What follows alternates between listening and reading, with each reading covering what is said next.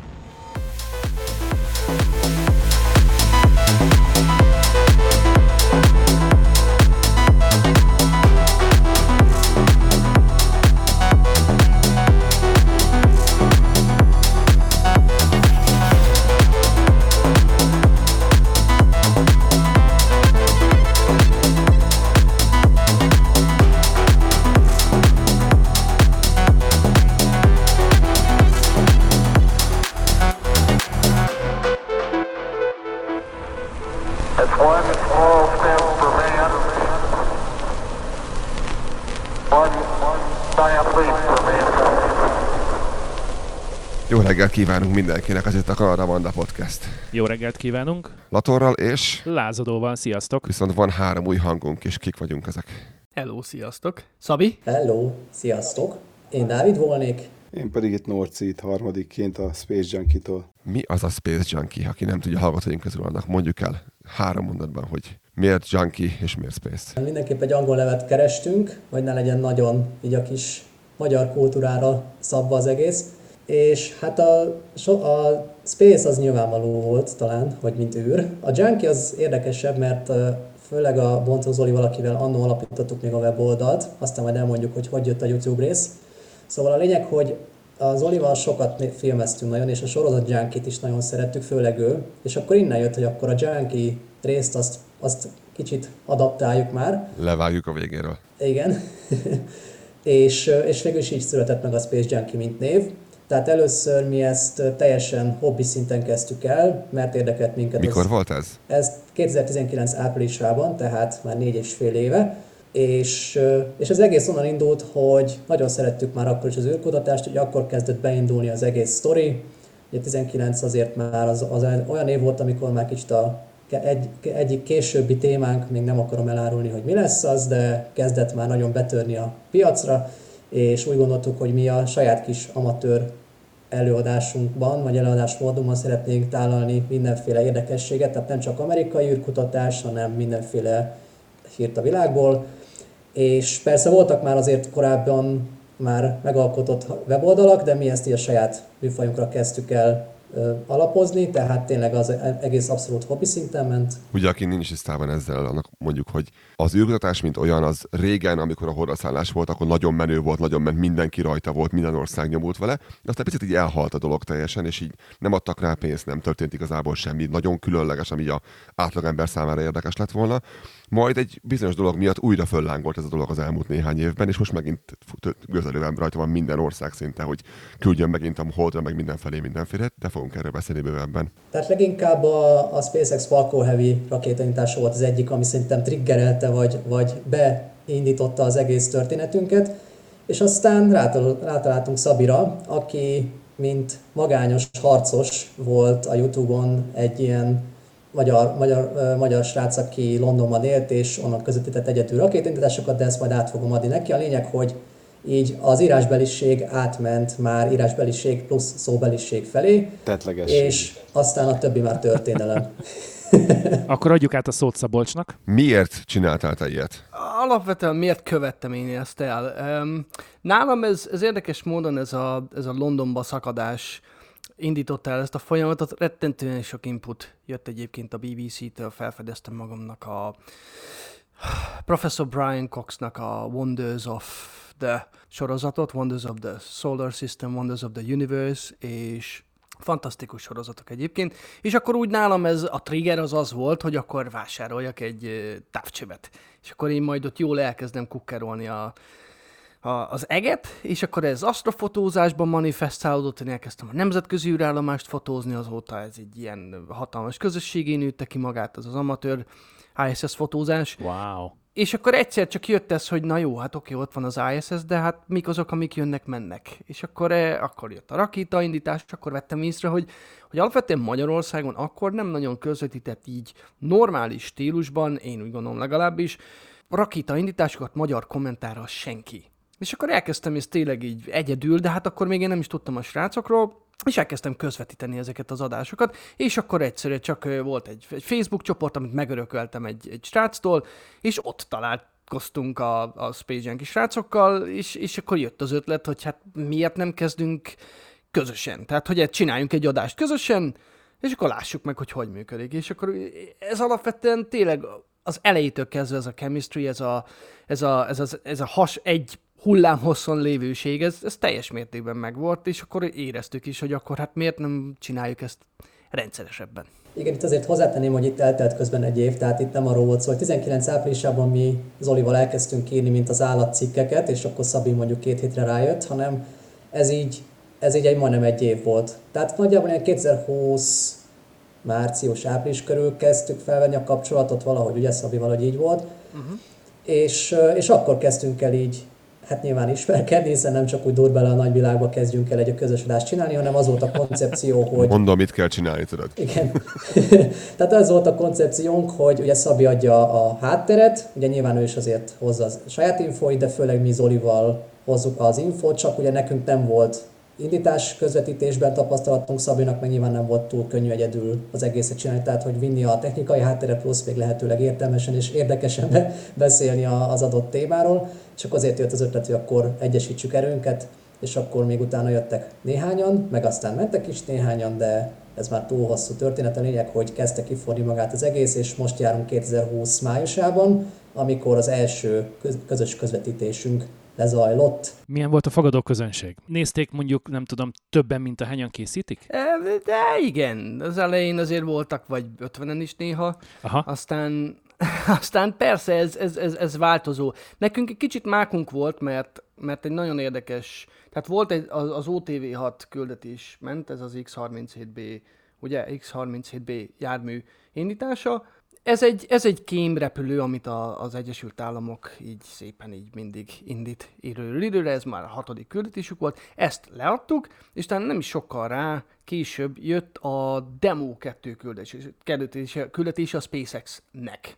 És ugye ez egy, ez egy nagyon érdekes adás volt. Ott sajnos elkövettük azt a hibát, hogy mindegy ilyen, ilyen szerzői jogvédelmet dob, dobott a videóra, a a YouTube, és, és ezt így töröltük, és ez így elveszett ez az első adás. Hát pont a lényegi része, az indítási része. De a lényeg az, hogy nagyon-nagyon sokan voltak ahhoz képest, hogy mi egy vadi új csatorna voltunk. Aha. Igen, igen, Ez egy remek teszt volt, igen. Akkor ez így van. mi a cél a Space Junkie-val? Mit szeretnétek, hogy az emberek mit kapjanak, mit lássanak?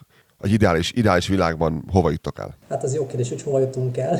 De úgy szoktuk mondani, hogy tanítva tanulunk, vagy tanulva tanítunk, oda-vissza érvényes. Tehát ugye egyikünk sem szakember, ezt hozzá kell tenni, tehát egyikünk sem mérnök, Norbit kivéve, de majd mindent ő is bemutatkozik.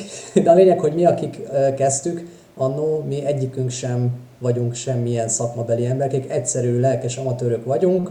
Ugye ezt az angol szokta úgy mondani, hogy vagy hogy szokta ezt mondani, Szabina, hogy rosszat mondjak, ez Broadside. a útmenti, útmenti lelke, vagy bro, Scientist, vagy valami ilyesmi, igen. igen, most nem jut eszembe már, mindegy. Broadside Scientist, igen. Igen, tehát ez az út, útmenti tudós, tehát ez a jó értelemben amatőr, és tehát a, a lényeg, hogy a saját, még egyszer mondom, jó, pozitív értelemben amatőr szintünkön és amatőr ö, módunkon szeretnénk átadni érthetően, érdekesen és kifejezetten magyarul az érdeklődők számára, amit éppen közvetítünk, tehát ez lehet az egy rakétaindítás, de azóta az eléggé kiforta magát, tehát nem csak élő köz, közvetítéseket csinálunk, hanem aztán találkoztunk például Norbival is, és akkor itt szerintem majd ő is már be tud jönni a képbe, és ugye sokszor beszélgettünk a rakétaindításokról, de mivel, mint említettem, nem vagyunk műszaki szakemberek, nem mindig tudtuk azért annyira összeszedetten elmondani, hogy oké, okay, mi indul, hogy tud indulni, Mit látsz pontosan? igen, mit látunk pontosan, miért látjuk, mi történik, rakéta, akár, akár a rakétán kívül, akár belül, és akkor így jött a képbe Norbi. Ez lett volna a következő kérdésem, hogy Norbi, te hogy kerültél a képbe?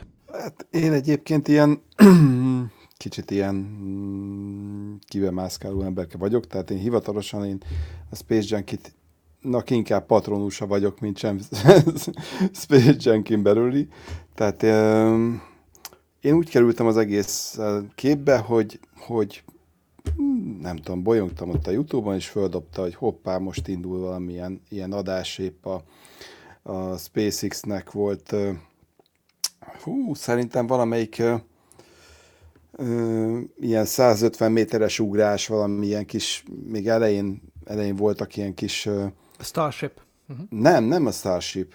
Nem, hanem még a Starhopper. A Starhopper. Igen, tehát hogy még a, még a legelején az ilyen Starhopperes ugrások voltak, és néztem Szabiékat, és elkezdtem ott írogatni, hogy, hogyha valamit ott nem úgy fogalmaztak meg, ahogy, ahogy volt, mert én... És az elég sűrű volt. Jó, igen, tehát most én egyébként szakmámat tekintve gépészmérnök vagyok, meg van egy energetikus végzettségem is, de gyakorlatilag meg, meg IT-ban dolgozok, mert so, dolgoztam nagyon sokat gépészmérnökként is, meg terveztem dolgokat, de um, szeretem, aki is fizetik a munkámat. Tehát, hogy így, ez, ez nem igazán volt meg sajnos a, a mérnöki oldalon, és ezzel sajnos nem vagyok egyedül, mert nagyon sok uh, honfitársamat találtam így meg ugyanúgy IT-ben végül, de, de attól még érdekel, meg, meg ö, szoktam mindenféle őrű dolgokat csinálni így magamtól is. Úgyhogy ö, elkezdtem írogatni, és akkor visszakérdezett a Dávid, hogy akkor mondja már ezt esetleg másképp, vagy beszéljünk, vagy valami. Akkor beszéltünk, akkor utána jön, hogy jó, jó oké, elmondtam, de akkor miért nem csinálunk ebből egy adást, és akkor így elindítottunk egy ilyen TechQ rovatot, ez a TechQ, ez onnan jött, hogy akkoriban volt egy MaxQ nevezetű adásuk, egy talán havi rendszerességgel, vagy, vagy havi. két het, nem tudom. Tehát két hetente? Két hetente volt. Nem tudom már, hogy hogy volt pontosan, vagy havonta, vagy, vagy két hetente, de mindegy, tehát volt egy ilyen ismétlődő valami, és akkor a MaxQ az ugye a, a legnagyobb dinamikai terhelés, amit a rakétát éri, annak van egy ilyen rövidített neve, és ebből jött az adásnév, és, és amikor felmerült, hogy mi legyen ennek a másiknak az adása, akkor ott valamelyik néző mondta, hogy legyen akkor az TechQ és így, így akkor indítottunk egy ilyen techjut, ebből van már 25 6 valami ilyesmi darab számú rész, és mindig valamilyen műszaki jellegű dolgot dolgozunk fel, és azokat próbáljuk kielemezni, de igazából hallgatói kérdésekre válaszolva csináltuk ezt, meg azóta is, hogyha valami olyan van a, a srácoknak, hogyha valamilyen ilyen nagyobb anyag, és így, így úgy gondolják, hogy érdemes lenne átnézni, akkor át szokták küldeni, és akkor azt, azt így megnézem. Tehát, hogy így, így kicsit inkább ilyen, ilyen besegítek nekik, de ők, ők inkább, akik, akik igazából Space Junkie tagok. Akkor mondhatjuk, hogy te vagy a, a hogy, szokták, hogy szokták ezt mondani, hogy, hogy a szakértő? Ja, ilyen lektor? Hát azért... Ő, ő a nem útmenti szakértő, ő, ő csak az útmenti nélküli szakértő általában. Igen. Ő már a kilövőállásnál szakért. Ennek e- tehát azért azt látni kell, hogy, hogy mára már azért nagyon-nagyon sok, nálam sokkal inkább a szakmában dolgozó, tehát ténylegesen a, az űrkutatásban dolgozó embert is, is megismertek a srácok, így már én, én már sokszor én érzem magamat amatőrnek, így amikor így, így az, ők beszélnek, de ettől függetlenül még mindig találunk olyan adást, amit, amit össze lehet rakni, és, én, én talán azt mondanám, hogy, hogy ha valamit ki tudok emelni abba, hogy, hogy miért, miért szeretem ezt csinálni, hogy alapvetően én, én nem specialista vagyok, én sokkal inkább generalista. Tehát, hogy én, én minden kis vacakban egy picit, picit otthon vagyok, és emiatt uh, uh, talán meg tudom úgy fogalmazni sokszor a dolgokat, hogy az közérthető legyen. Tehát az a halálom, amikor úgy magyaráznak el, akár csak egy egyetemi előadáson, egy egyetemi előadó, hogy tele van latin, amerikai, mit én, bármilyen szavakkal, és nem bírja úgy elmondani, hogy mondjuk a tizenéves gyerek is megértse. Tehát, hogy miért? Pedig mennyire fontos a, a tudomány kommunikációja az emberek számára, hiszen rengeteg probléma adódik abból manapság is, hogy, hogy az emberek nem egyszerűen nem, nem értik, amit, amiről szó van, és mivel nem értik, amiről szó van, ezért megpróbálják megoldani maguk a dolgot, a problémát, és ebből jönnek az alapos föld problémák. Azt említetted, hogy a srácok nagyon sok olyan embert megismertek, akik az űrkutatásban dolgoznak. A kérdésem az lenne, hogy rögtön el is kezdjük az első nagyobb témakörünket, magát az űrkutatást, hogy Magyarországon hányan vannak azok, akik űrkutatásban dolgoznak.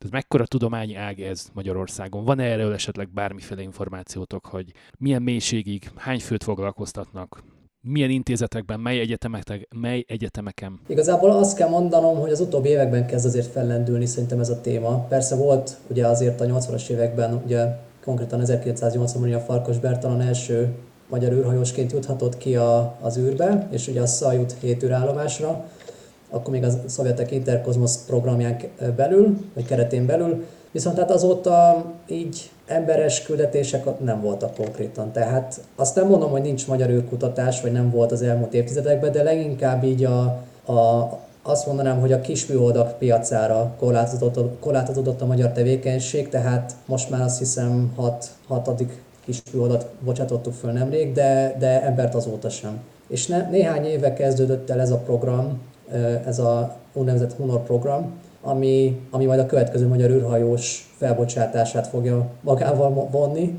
vagy magában foglalni, és emellett pedig egyre több űrkutatással, vagy inkább űripari szervezet kezd már a, a hazai piacon, illetve a nemzetközi piacon is megjelenni. Tehát azért nem mondhatom, hogy nincsen, csak inkább kicsit még a háttérbe szorulnak, de ez egy, egyre inkább ilyen feljövő tendencia. Magyarországon egyébként indult már, ha jól tudom, 2021-ben egy űrmérnök képzés, tehát a 22-es évben már lehetett a BME villanykarán, és kicsit furán indult, mert még én is gondoltam, hogy, hogy elmegyek, hát miért ne végeznék el még egy ilyet úgy hobbiból, de, de nagyon, nagyon nehézkes volt oda a felvétel, mert csak nappalira engedték, nem mindent fogadtak el, stb. De, de a lényeg, hogy aki mondjuk fiatalként kezdte, annak már jelenleg van lehetősége egyébként űrmérnöknek is tanulni. Ez nagyon jól hangzik. Például nagyon sok olyan, olyan magyar cég van, akik jelenleg is igen keményen foglalkoznak egy űrkutatással, illetve űrben indított objektumokkal, tehát saját műholdjaik vannak, ilyen például a C3S, velük is volt egy elég jó kapcsolatot ápolunk velük, és szoktuk közvetíteni a, a különböző indításaikat, de, de tényleg ilyen kisebb, nagyobb cégek is vannak, akik közvetlenül bedolgoznak, akár a NASA-nak, akár a különböző ízától kezdve ilyen programokban részt vesznek, és, és nekik akár alkatrészeket, vagy komplett egységeket is gyártanak Magyarországon. Tehát mondhatjuk, hogy ők magyar alvállalkozók, akik benne vannak a nemzetközi űriparban, viszont nagyon kevés médiafigyelmet kapnak, ezért kvázi láthatatlanok az átlag emberek számára. E-mailem jött a NASA-tól. Ja, nekem meg a Mars lakó a mostoám. a NASA a, a hajnalvasat Kft-t akarja megbízni, vagy pályázni, most ezt még nem egészen pontosan értem, fém alkatrész beszállítása egy kolonizációs programhoz. A Marson tegyük tisztába, hogy mi a különbség, csak így néhány mondatban mi a különbség a csillagászat és az űrkutatás között, hogy ők hogyan viszonyulnak egymáshoz, mi a különbség a kettő között, mert lehet, hogy van, aki egy lapon említeni mind a kettőt, van, aki pedig azt mondja, hogy a szentségtörés, hiszen az egyik az nagyon ez, a másik meg nagyon az. Csillagászat én úgy gondolom, hogy, hogy, hogy, hogy szeretnénk megérteni az univerzumot, tehát szeretnénk megérteni a, körül, körül, a, a minket körülvevő világot. Tehát az, hogy, tehát ez, ez már nagyon régóta elindult, a, a görögök ugye nagyon helyesen megfigyelték az égboltot, a csillagképeket, látták jól, hogy valami forog valami körül, azt még nem értették pontosan, hogy hogyan, felfedezték a bolygókat, és ugye hát próbálunk, eh, próbálunk információt összerakni a megfigyeléseinkből, és ugye sokszor a megfigyelések nem feltétlenül visznek a megfelelő válaszok felé, de ettől függetlenül mindig is ugye a, a csillagos az itt volt velünk, a kozmosz, az univerzum, mi van a, mi, tényleg mi vesz minket körül, mik az üstökösök, mik a, nem tudom, mi, minden, ami körülvesz minket tényleg, Aha. a bolygók egyáltalán. Az, akkor egyértelműen a középkorban szépen eljutottunk arra a pontra, hogy, hogy, hogy, hogy akkor felfedeztük, hogy nem, nem, nem a világ kering körülöttünk, hanem alapvetően, pontosabban nem mi, tehát igen, tehát nem a világ kering körülöttünk, hanem, hanem mi is csak picike kis részei lehetünk ennek az egésznek. És ugye ez több kérdést vetett fel, mint választ, és ugye az űrkutatás a technológia fejlődésével kezdett egyre komolyabb válaszokat adni, és ugye mondjuk a tehát nagyon komolyan a csillagászat keze alá dolgozik mondjuk azzal, hogy, hogy ugye elmentünk a Holdra, vagy űrtávcsöveket telepítünk mondjuk a, a Föld körül, és ugye elkezdjük még komolyabban. Tehát mondjuk az, hogy az űrkutatás eszközöket, illetve különböző extrákat biztosít a csillagászat számára. Is.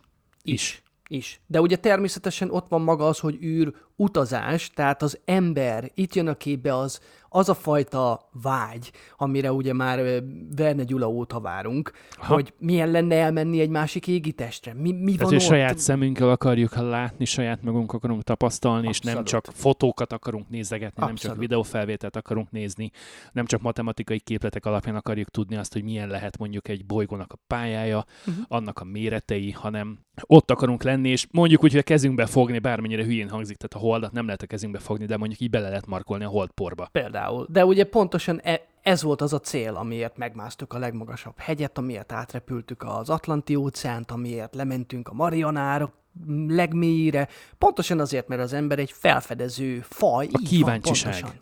Pontosan. Felfedezés. Oda menni, ahol még senki nem jár. Igen, de valahogy én, én mégis azt mondanám, hogy az űrkutatásnak része a csillagászat. A csillagászatot meg inkább kiegészíti az űrkutatást, tehát hogy valahogy az űrkutatásba én beleérteném az, a csillagászatot is, és az egy nagyobb, Tudomány. nagyobbnak gondolnám az egészet, mert az űrkutatásban még benne van az is, hogy el is kell jutni oda, el is kell vinni az eszközöket, el, fel, el kell vinnünk a különböző szenzorokat. Tényleg maga az a felfedezéses rész is hozzátartozik, nem pedig csak egy, egyfajta megfigyelés. Annak idén, ha jól tudom, használtak a hajósok szextánst, és a csillagok alapján tájékozottak. Tehát valamilyen szinten ők nem csak földrészeket és szigeteket és új kultúrákat fedeztek föl, hanem érteniük kellett a csillagászathoz is. Igen, kis túlzással a hajózók voltak az első csillagászok. És ugyanez igaz volt annak idén a Gemini meg a Mercury programra is, hiszen ott is voltak olyan szituációk, gondolom, amikor a csillagok állása és a bolygók elhelyezkedés alapján kellett nekik tájékozódni és mondjuk információt adni, hogyha esetleg gond volt valami a földi kommunikáció és a, az űrhajósok, vagy az űrhajók között, akkor, akkor ez alapján tudták megmondani azt, hogy nagyjából hol járhatnak, ugye? Jól gondolom? Igen, manapság meg fordítva van, mert most már a műholdak kommunikálják a hajósoknak a helyzetét. Tehát, hogy így... Oké. Tehát eleve ugye nagyon sok angol szó is a hajózásból került Mhm. át az űrhajózásba, meg eleve magyarul is, tehát űrhajózás benne van a mai napig a nevében, tehát az egész a vízi hajózásból f- ö, alakult át, tehát a, ezek, a, ezek a trendek, vagy, ö, vagy, vagy megfigyelések, vagy hogy mondjam, folyamatok, amikkel tájékozottak, például, ahogy te is említetted, az, az aztán átkerült az űrkutatásba is, mert ha már egy bevett dolog, vagy egy bevált dolog, akkor miért ne lehetne alkalmazni egy másik tudományágban? Mennyire vagytok érzékenyek a különböző szakkifejezésekre, hiszen hívjuk ezt űrrepülésnek, űrhajózásnak, van valami ezzel kapcsolatban, hogy, hogy minek mi pontosan a meghatározása, vagy, vagy az se Ó, baj, ha én nagyon. rakétának hívok egy űrhajót. Csak kilövés ne legyen. Oké. Okay. Igen, Igen, hát vannak olyan szavak, amikre, amikre harapunk, úgymond, de ez is csak így viccesen, tehát azért hát a kilövés abszolút ez a... Ezekből hallhatunk egy rövid ízelítőt?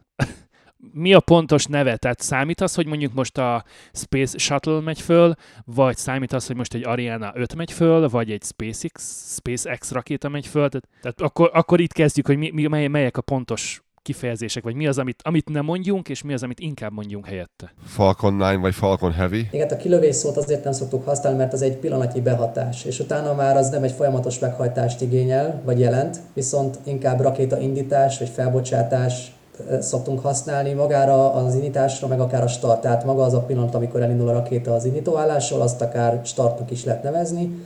Ugye az angol ez megoldja ugye a launch tehát ott, ott a, az indítás, kilövés, itt nincs ilyen ö, ö, vita, hogy most melyik melyik, ők egyszerűen a launch kifejezést használják, úgyhogy ott nem szokott ilyen partalan vita lenni. Angolban minden egyszerűbb. Így van. Keresztre amúgy senkit nem feszítünk ezért, ezt már feladtuk ezt. Alapvetően tényleg any- olyan szinten eh, belénk. Persze. Van, amit el kell Igen. engedni, igen, mi is így vagyunk ezzel túl, túl sokan jönnek, hogy hát Értem, mit mindenki így akartál hívja mondani. meg. Meg, meg ez, ez, ez van már beleívódva az emberekbe, ugyanúgy, mint ahogy a teknős békát is, te, az nem teknős béka, az teknős. De mindenki teknős békának hívja, semmi köze nincs a békához. De így ez terjedt el, Aha. és ez van. Ez olyan, mint az index és az irányjelző.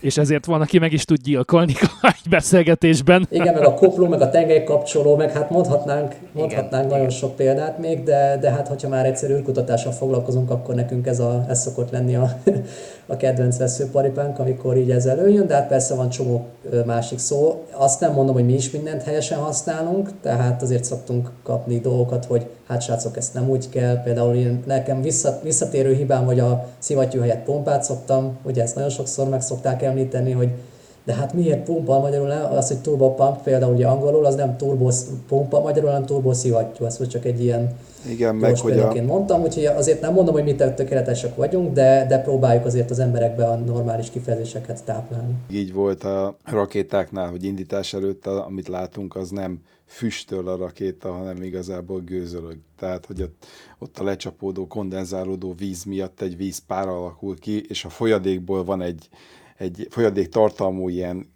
elegyet látsz, akkor az gőz. Ha pedig szilárd részecskék vannak benne, az a füst.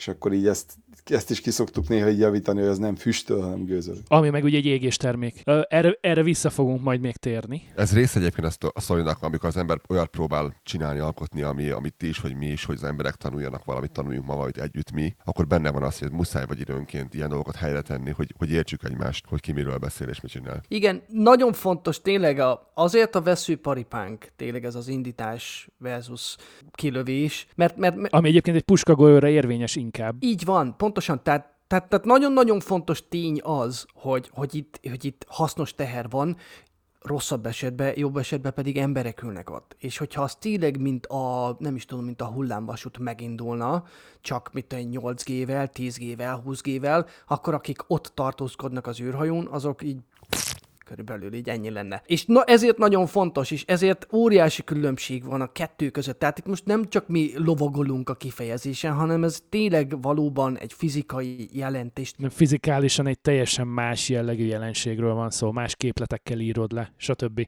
Így van. Magyarul a kilövés az egy pillanatnyi, az egy, ez egy kezdeti lendületet adó tevékenység, vagy behatás, ami ugye folyamatos lassulást eredményez, viszont a rakéta nem, hogy lassul, hanem még gyorsul is folyamatosan, ezért, ezért nevezzük felbocsátásnak, indításnak, mert ott folyamatosan dolgozik ugye a hajtómű, kémi, különböző kémiai folyamatoknak köszönhetően, ezzel most nem traktálnánk a nézőket szerintem, hogy pontosan mi történik, de a lényeg, hogy, hogy ezért szoktuk ezt azért kijavítani, amikor lehet. Ha már beszélünk az átlag emberekről, akkor mi rengetegszer megkapjuk azt, hogy, hogy mi a fene értelme van ennek- az egésznek tulajdonképpen, hiszen költjük itt a rengeteg-rengeteg lóvét arra, hogy kimenjünk innen, amikor tele vagyunk problémákkal itt a Földön, hogy miért nem a problémákat a Földön oldjuk meg. És nekünk nagyon-nagyon sok időnk megy el arra, hogy elmagyarázzuk azt, hogy mit nyerünk ebből. Úgyhogy azt mondta, hogy beszéljünk picit erről, hogy az átlagember számára azon kívül őt nem érdekli, hogy az megy föl a rakéta, ő ezt nem szereti nézni, nem is, hogy megy- föl valami, ott ég a hátulja, mit, mit érdekel ez engem. Mert hülyeség az egész azé. Milliómosok. Mert csak engem nem érdekel, nincs benne főzés, úgyhogy mit számít az egész. Gazdagok játékszere. Miért fontos az átlagembernek, és akkor is, hogyha őt nem érdekli az kutatás? Mit nyer ő azzal, hogy mi itt megyegetünk fölfelé, meg lefelé, és most megint, megint mindenki rá van állva az egészre? Miért jó ez nekem, mint, mint Joe-nak, Joe Rogannek? Átlag Joe-nak. Igen. Na de mi az, ami látható, mi az, aminek, aminek a hasznát élvezik ők is, esetleg úgy, hogy abszolút fogalmuk nincs róla. Ö, ugye az átlagembernél mindig az a, az a probléma, hogy, hogy azt a részét látja az űrkutatásnak, ami Hogy szűklátó körű több területen is, igen? nem, nem, inkább csak azt látja, amit mutatnak neki. Az sokkal látványosabb, hogy látod a, a Star Trail-t, azt hiszem, ugye? Star Trail. Vagy pedig bármilyen ilyen tipikusan akkor van a híradóban manapság már a, a nagyobb indítás, hogyha valami felrobban, leég, probléma van, visszaesik, nem sikerül, akkor tele van minden, hogy akkor Vagy ha éjjel égen nem azt látjuk, hogy hol vannak a csillagok, meg milyen a bolygók, hanem hogy mennek a műholdak a csíkba keresztbe. Hogy ez mekkora probléma, ők csak erről hallnak már. igen, abban is, Igen, meg hogy van 26 sikeres felbocsátás, de a 27-nél, mhm, figyeljél, hülyeség az egész. Hát a negatív hír mindig. Igen, a csillaghajó megint felrobbant, megint ezzel mentek volna a Marsra, de már visszahullott rájuk. És ilyenkor a magyarázat, hogy de hát ők ezt akarták, hogy emelkedjen el 3 centet, és akkor már nyertünk tulajdonképpen, mert ezt akartuk megnézni. Hiszen ez egy tesztüzem. Igen, csak ezt nem szokták elmondani mellé, hanem a negatív dolga lényeg. Igen. Mennyi pénz égett el? Igen, ugyanúgy a, a régi műholdakat, azokat nem látjuk az égen, a millió egy repülőt nem látjuk az égen, a millió egy helikoptert, ami megy, azt nem látjuk, de hogyha ott megy néhány Starlink indulásnál, amikor még jól világít, azt, azt mindenki látja. Tehát, hogy így ennyi ufót sem láttak szerintem. Hiszen, hiszen mondják, hova kell nézni, ugye? Igen. Ilyen szempontból egy kicsit hajlamosak vagyunk ezt a részét látni, meg az a hír, ami, ami negatív, így tipikusan. De, de nagyon sok olyan ö, találmány volt egyébként, aminek mindennapi ember is hasznát veszi. Például, ha, ha nézzük a legegyszerűbb globális időjárás jelentés. Soha nem lenne ilyen, ha nem lennének műholdak. Tehát, hogy simán egy öt perc múlva agyonver téged a, a baseball labdányi jégeső, és senki nem tudna szólni, mert, mert mi alapján érne el téged. Tehát, hogy így nem is, nem is biztos, hogy észrevennék. Műholdas telefon. Igen, lehet, hogy telefonon fel tudna hívni. Nálatok is szakad a hó? Nálunk is. Igen. nem, itt még nem esik, itt az eső még, itt még ősz van. Én mindig meg szoktam kérdezni, hogy szeretnének-e visszamenni az autonavigációról a papírtérképre. Én még mentem Görögországba gyarali papírtérképen, nem volt jó. Ezt tudom csak mondani. Minden mellett, hogy nem is biztonságos, de, de nehéz up-to-date-nek lenni, és ha már így megemlítetted, akkor a GPS verzió az ugye, amit szintén mindenki használ, még akár ahhoz is, hogy elnavigáljál három utcával arrébb, már ahhoz is sokszor én is beütöm. Csak mert azért most bekapcsolod, hogy lásd azt, hogy lesz-e forgalom, el kell kerülni valamit. Már emiatt bekapcsolja az ember, hogy tényleg kell más felé menni, mint amerre mennék. Vagy amit a héten beszélgettünk, hogy uh, Latornak mennie kellett egy céghez, aki időközben egyébként elköltözött, kettő darab sarokkal arrébb. Na de most ott állsz egy városban, és most akkor van egy útkereszteződés előtted, hogy akkor most merre induljak. Mert ugye elfelejtették kitáblázni, hogy mi az új cím, hát ott már nem voltak, ahol lettek volna, vagy ahol lenniük kellett volna, viszont maradtak ugyanabban az utcában, de kettő sorokkal arrébb. Én bejelentettem nekik a Google Maps-on, hogy átköltöztek. Welcome. Úgyhogy így, így a következő, következő vendégük majd meg fogja találni őket. Egyébként ugyanígy, ha már bejelentetted a távközlési műholdak, ugye amik szintén egy kommunikációt segítik. Hát például mi se tudnánk ezt csinálni most így ebben a formában, ha nem lennének távközlési műholdak. Igen, vagy, vagy nem, ilyen, nem ilyen módszerekkel. Ez sokszor fölmerül egyébként az emberekbe, hogy ha ez a megoldás nem lenne, akkor biztos egy másik terjedt volna el. Lásd Edison, meg Teslának ugye a egyenáram, meg, meg váltóáram dolog, nagyon nem nézett ki akkor még egyértelműen, hogy melyik, melyik fog nyerni a legelején. Hát akinek több pénze van. Aki, aki gátlástalanabb mondjuk így. Igen. Igen. Vagy aki megveszi a másiknak a találmányát, igen. Hello Edison. Igen. Ásványkincsek felderítése a világűrből, tehát nagyon sok olyan van, hogy, hogy jelenleg már nem, nem úgy indul a különböző, hogy kitalálja valamelyik állam, hogy mondjuk, mit tudom én, barna kőszeret akar, vagy platinát, teljesen mindegy, valamit akar bányászni. Létiumot. Igen, létiumot, igen. Akkor nem, nem 5 centénként furogat lukakat mindenfelé az országba, hanem először. Meghívja a pálcás embert, hogy keresse meg. Igen, mikor ér össze a pálca, és akkor itt kell fúrni. Hanem erre is vannak különböző ö, megoldások, hogy műholdakon keresztül. De ha már műholdakon keresztül nézünk, akkor a növények. Ugye a növények visszaadott színképe alapján már ki se kell mennie sokszor a gazdának ahhoz, hogy most éppen már beért mondjuk a napraforgó, vagy nem. Az egy más kérdés, hogy a napraforgót azt megoldják, hogy mindig beérjen egyszerre, vegyszerekkel, de hogy mondjuk olyan állapotban van-e már, hogy már nekiálljál le lepermetezni őket, vagy hogy, hogy mikor és mennyi termés várható, vagy talaj színkép alapján meg tudják ítélni annak a termőképességét, hogy most itt, itt most hagyjuk egy kicsit tarlón, és menjünk, megyünk egy kicsit arrébb. Utána hidrológia, tehát az összes folyók, tavak, árvizek, bármilyen dolgot messze jóval korábban. Ezt akartam pont mondani, hogy árvízvédelem, erdőtüzek elleni küzdelmet nagyban segíti az, hogy az egészet fölülről meg tudjuk nézni, és nem csak az, hogy felszáll egy repülő és elveszik a füstben, hanem hogy, hogy olyan távolságban tudjuk azt megnézni, ahol, ahol nem veszélyeztetjük senkinek sem az életét. Gócpontok és mi egymás. Ja, ja.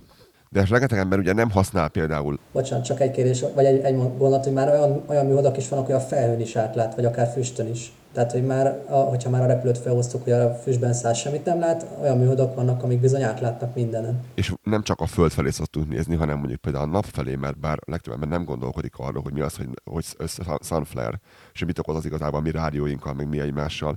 De ha mi tudjuk előre, hogy mikor lesz olyan napkitörés, ami zavart kelthet bármilyen rendszerünkben itt a Földön, arra föl tudunk készülni, hogy lesz. Például a műholdak működésében. Vagy bármilyen kommunikációs problémákat okozhat. Régen ezt nem tudtuk, mitől van, most már tudjuk, mitől van, és tudjuk előre jelezni, hogy, mit, hogy mikor lesz ez, és tudunk rá készülni. És ezt az átlagember ugyan nem használja, de az életében egy csomó minden használja, aminek viszont tudnia kell, mikor történik ez. Hát egy, azért az átlagember nagyon, nagyon meglepődne, hogyha ha tényleg egy rendes napkitöréssel érné így, így telibe a, a Földet. Tehát, hogy ottnak milyen hatásai lehetnének rá is.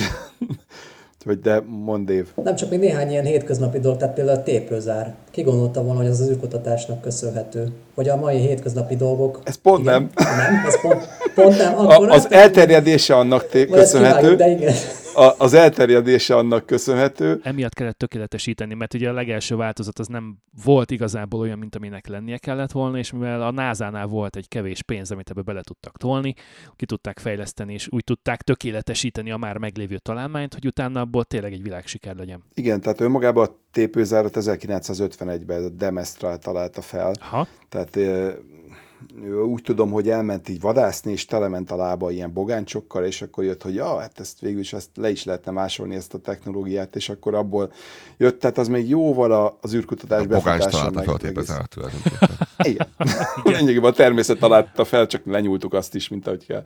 Mint a másik, a teflont is ugye sokszor mondják, hogy a, azt is az űrkutatásból jött, és az sem, tehát az meg 38-ba Roy Planket. Bár ők is használták, nem? Ők is használták, persze, csak nem onnan jött. Tehát, hogy ez, ez egy másik, másik sztori volt. Nem a miatt lett, hanem a főzés miatt. Tehát, hogy ja igen, a főzés miatt, hogy le tudják kaparni róla a villával. Tehát az, az a halálom, amikor nekiállnak így, és akkor mondom, hogy ott van, de te tényleg 40 darab műanyag eszközünk van, nem? Villa. Így. Na jó, mindegy. Hozzánk Teflon nem jöhet be az azt, hogy nem szereti valamiért, nem tudom miért, és nem csak, csak ilyen izék vannak ilyen teljesen más technológiában. Kerámia? Vagy kerámia, vagy az a kőből lévő valami, nem tudom milyen. Igen, igen. Azt igen. nagyon szereti állítólag, csak az meg elkopik egy-két év alatt. De nem használják az űrállomáson cserébe. ha már ez itt szóba került, hogy, hogy beszélgettünk itt mindenféléről, um, miért kell nekünk nemzetközi űrállomás? És hogy ugye nem is ez az első, ami, ami volt már a történelem során, és hogy, hogy a fenének kell ennyi, meg egyébként is a Földön is lehet kísérletezgetni, és, és tudományos kutatásokat folytatni, nem kell ehhez dollármilliárdokat elkölteni. Kivéve, amikor nem lehet csinálni a Földön valamit, kipróbálni csak ott lehet az űrben. Akkor pont nem lehet. Hát... Uh... Igen, igen, ez, ez általában ez egy nagyon jó kérdés. Én úgy gondolom, hogy, hogy, hogy ezen a téren is nagyon-nagyon-nagyon sok sok ismeretterjesztésre lenne szükség. Eleve az, hogy ugye ezt, egy, ezt a föld, föld körül keringő eh, laboratóriumnak szokták hívni. Tehát az elsődleges célja, amiért ez létrejött, ugye azon felül, hogy ez egy nemzetközi összefogás is marha jól reprezentálja, hogy, hogy, hogy nációk milyen marha jól tudnak együtt dolgozni, és mennyi mindent tudunk elérni együtt. Ha éppen nem olajon veszekszünk, hanem valamit akarunk Abszolút. csinálni. Nem, nem valami fiszfasz dolgon mérgetjük a farkunkat éppen, hanem, Pontosan. hanem rákerült a, az elbetű. az eszünkre hallgatunk, akkor, akkor fantasztikus dolgokra vagyunk képesek együtt. Meg nem is, meg nem is, a, nem is a konfliktus, tudod, hanem az, hogy mi értelme van egy orosz űr, űrállomást felépíteni, meg egy amerikai űrállomást, meg mondjuk egy kínai űrállomást. Majd csinálni közé egy, egy coupler amivel össze lehet kapcsolni a kettőt, mert nem, nem ugyanazt használja a kettőnek a vége, ugye? És ezt megint valaki le kell gyártania. Standardizálás, vagy... Na mindegy, de a lényeg a lényeg, hogy tényleg eh, ez, ez az egésznek a szellemisége, hogy, hogy, hogy egy faj vagyunk, Tudom, ez ilyen nagyon utopisztikus gondolat manapság is. De a kutatómunka mindig is erről szólt, nem? Tehát most az űrkutatástól függetlenül, ha bármilyen területen kellett valamilyen közös célért küzdeni, például mondjuk egy vírusnak az ellenszerét megtalálni, uh-huh. akkor, mert ugye az meg nem válogat nációk között legtöbb esetben, Igen. akkor ugye nem árt a nemzetközi összefogás, és akkor, akkor a különböző kutatóorvosok és földi laboratóriumok azok, azok csodákra képesek nagyon rövid idő alatt. Igen, igen, igen. Igen, de azért azt ne felejtsük el, hogy a nemzetközi űrállomás az nagyon nemzetközi, kivéve Kína. E, jó, hát ennek... ennek ez, ez jogos, ez jogos. oda, oda, Tehát azért ott sem annyira, annyira szép a sztori. Oda nem juthatsz, hogyha az amcsik nem csípnek. Ez természetesen, ennek oka van. E- Ennek oka van. Hát egyértelmű, hogy van egy náció, akik sokkal később csatlakoztak be ebbe az egész versenybe, és akkor természetesen ez nem úgy működik, hogy egy feltörekvő, hatalmas erőforrásokkal rendelkező országnak csak így majd azt mondjuk, hogy nézd csak, nesze, itt van. Tehát ez nem így működik. Így ezt találtuk az elmúlt 40 évben. Igen, igen. Tehát nem, oda el kell nekik is jutni, és hogyha egyenlő partnerek ebben a klubban, akkor egyértelmű, hogy majd szerintem nagyon hamarosan el fog kezdődni valamilyen szintű kooperáció. De hát ez várható volt, hogy technológiákat csak nem se Amerika, se Európa, csak úgy egy mondjuk egy Kínának, hogy na tessék, itt van, hajrá, örülj. Egyébként jól látszik az űrállomáson is az országoknak a, a mikéntje, hogy, hogy milyen típusúak. Hogy legyen kis kanadai vonatkozása a történetnek, hogy a Kanada mit csinált az űrállomáshoz? A Kanadarmot ugye egy kart, amit több helyre föl lehet tenni a, a, az űrállomáson. Ez tipikus Kanada egyébként, hogy Kanadán kettő egészen pontosan. most már kettő van, igen. Már kettő van, igen, valóban. Az kettőt csinált már, tehát a, az első az, az a Space Shuttle-ökön ügyködött, tehát hogy így, És lesz három is. igen, tehát hogy Kanada nagyon is ott van be az egész történetbe.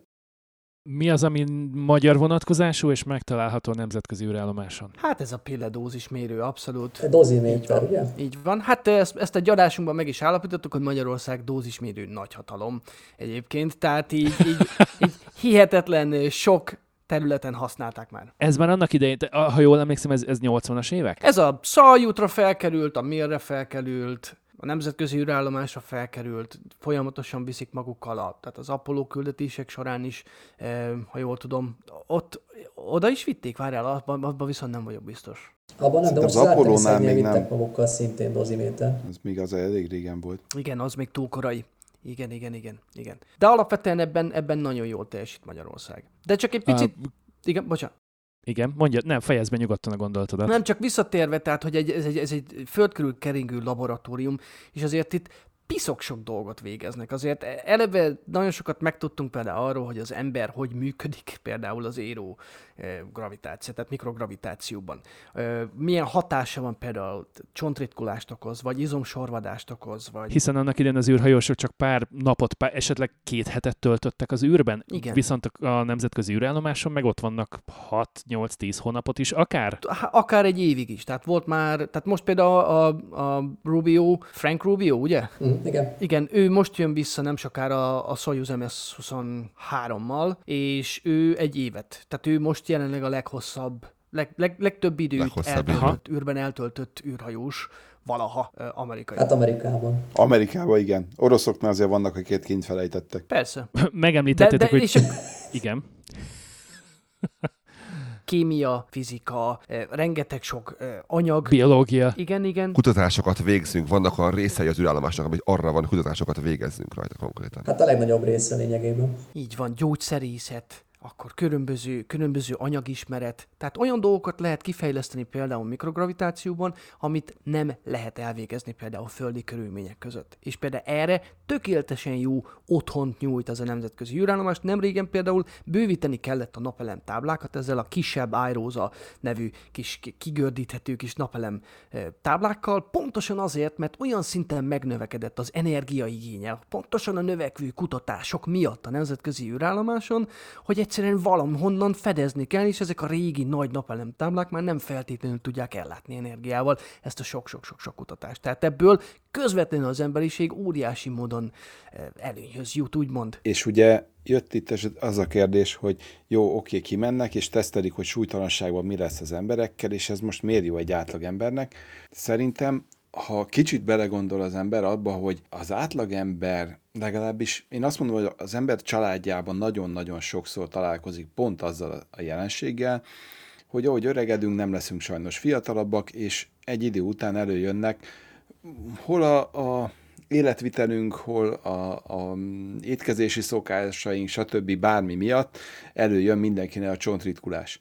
Na most a csontritkulás az tipikusan a nullagében is előjön, mert elkezd leépülni a szövetet, hiszen nincs ter. Csak nagyon gyorsan, ahhoz képest, mint a Földön. Igen, tehát sokkal gyorsabban előjön, és ott lényegében az űrállomáson minden egyes program, amit kifejlesztettek az űrhajósok számára, hogy ezt lassítsa, megakadályozza, kicsit ellene menjen ennek a dolognak, az technikailag használható a Földön is csontritkulásos beteg, betegeknél, és csontritkulás ellen egyébként egy ilyen MGen nevezetű cég is kifejlesztett egyébként egy ilyen antitestet, amivel csökkenti tehát kifejezetten maga a csontritkulásnak a hatásait, és ez is mint gyógyszerként így megjelenik a Földön, és visszahat ténylegesen ugye a mindennapi emberekre is. Tehát az ISS és az űrkutatás az olyan, mint a Forma 1. Kipróbálunk egy csomó mindent, megpróbálunk megoldani extrém dolgokat, amelyek később lecsoroghatnak az átlagautókba, megkaphatja az átlagember azt a technológiát, lehet, hogy lebutítva, vagy lehet, hogy az ő problémájára átalakítva.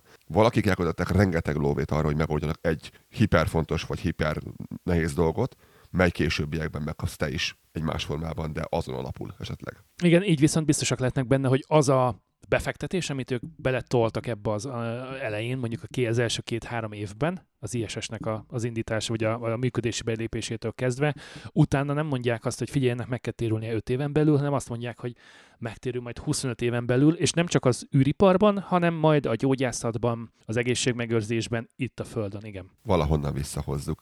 Ezen nagyon nehéz egyébként az űrkutatásban, és ezért volt sokáig egy ilyen pangás benne.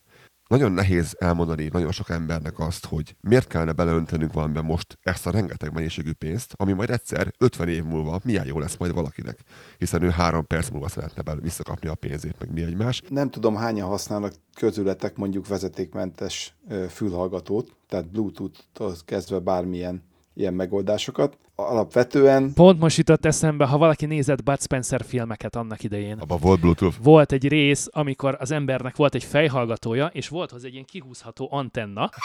Emlékszem arra, igen. Érted? Kincs, és ami nincs. Az egész cucc igen. szerintem volt, tize, azt hiszem, hogy abban igen, ilyen 15 kiló. igen. Nagyjából ugye első ránézésre az a bakelit valami, aminek van egy ilyen külön kis antennája, gondolom a másik a vége meg valahol volt, ami Nem, rádió. az önmagában egy rádió. De volt. hogy valami, Igen. igen? Igen, ezt akartam mondani, az egy rádió volt konkrétan. Jó kis AM adó középhullámon. Igen, tehát Igen, ez, ez jutott eszembe, hogy ahhoz képest mennyit változtunk. Oké, okay, hogy mondjuk ez a Sennheiser, ez, ez így néz ki, de, Látod, a Bluetooth mekkora szar, kivéve amikor nem. Attól, hogy mihez képest.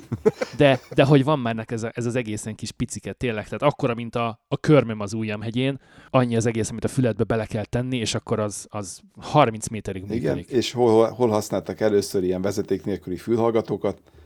Apollo programban, ugye 60-as évek, 60-as, 70-es évek között, ugye pont az, hogy nem tudták vinni a zsinort magukkal, valahogy kellett kommunikálni a két űrhajósnak egymásnak, úgyhogy ott, ott például ott, ott kifejlesztettek nekik, és állítólag abból, abból indult el ez a irány, de, de nagyon sok olyan van, például ilyen speciális bőrkrémek, ugye a, a a NASA-nak a különböző ilyen, tehát azért az űrben jóval nagyobb a sugárzás minden szempontból. És ugye próbáljuk megvédeni a szerencsétlen űrhajósokat, még akkor is persze tudom, lesz jó nyugdíjuk, meg veszélyes szakma, meg stb. mindent rá lehet fogni, attól még mégsem akarjuk, hogy belehalljanak, és, és millió egy ilyen dolog, ami, ami így, így, így, így feljött így náluk akár. Napvédelem. Igen, Ha már szóba került, hogy hogy vannak olyan cégek, amelyek kereskedelmi pályára próbálják terelni ezt az egészet. Megemlítettétek itt az előbb, hogy uh, dózismérő nagyhatalom Magyarország, és szerintem fogalmunk sincs arról, hogy, hogy kik állnak mondjuk a dózismérőnek a fejlesztése uh, mögött.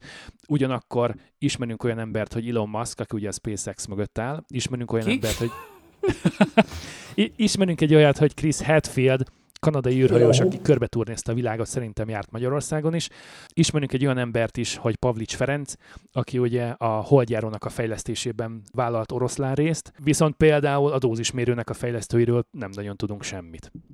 Ez egy ilyen csak kis szösszenet érdekesség, hogy, hogy van, aki világhírre tesz szert, mert űrkutatással, vagy űrhajózással, vagy az ahhoz szükséges termékeknek eszközöknek a fejlesztésével foglalkozik, de például az ózismérőről, aminek ugye már most a második, harmadik változata van használatban az ISS-en.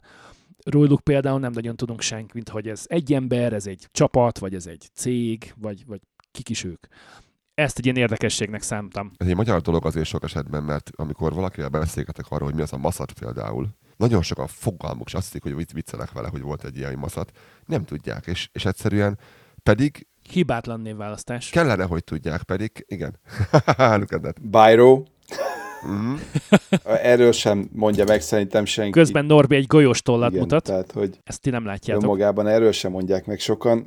Nem tudom, lehet, hogy rossz a, a PR-unk, vagy nem tudom, valamilyen szempontból így, így nem úgy vagyunk. Mondjuk alapból a magyar szerintem nem olyan, aki nagyon reklámozza magát, vagy legalábbis nem ezzel. Hát erre igazán büszkének tudsz lenni, hiszen a világnak adtál valamit, ráadásul úgy, hogy Magyarországon élsz és dolgozol. Igen, de lehet, hogy Mészáros Lőrinc holnap föl akar vásárolni. Amikor a dozimétert feltalálták, legyen szó bárkiről is, akkor nem nagyon volt lehetőségük egyáltalán világát kürteni, tehát akkor elég egy más, más rendszer volt még itt Magyarországon, és egyszerűen nem volt lehetőség akár a nyugat felé ki kommunikálni, hogy srácok, van ez a nagyon klassz dolgunk, hanem így ez sajnos így a KGST keretén belül maradt, ugye ez a keleti blokk, ugye, ahogy akkor hívták.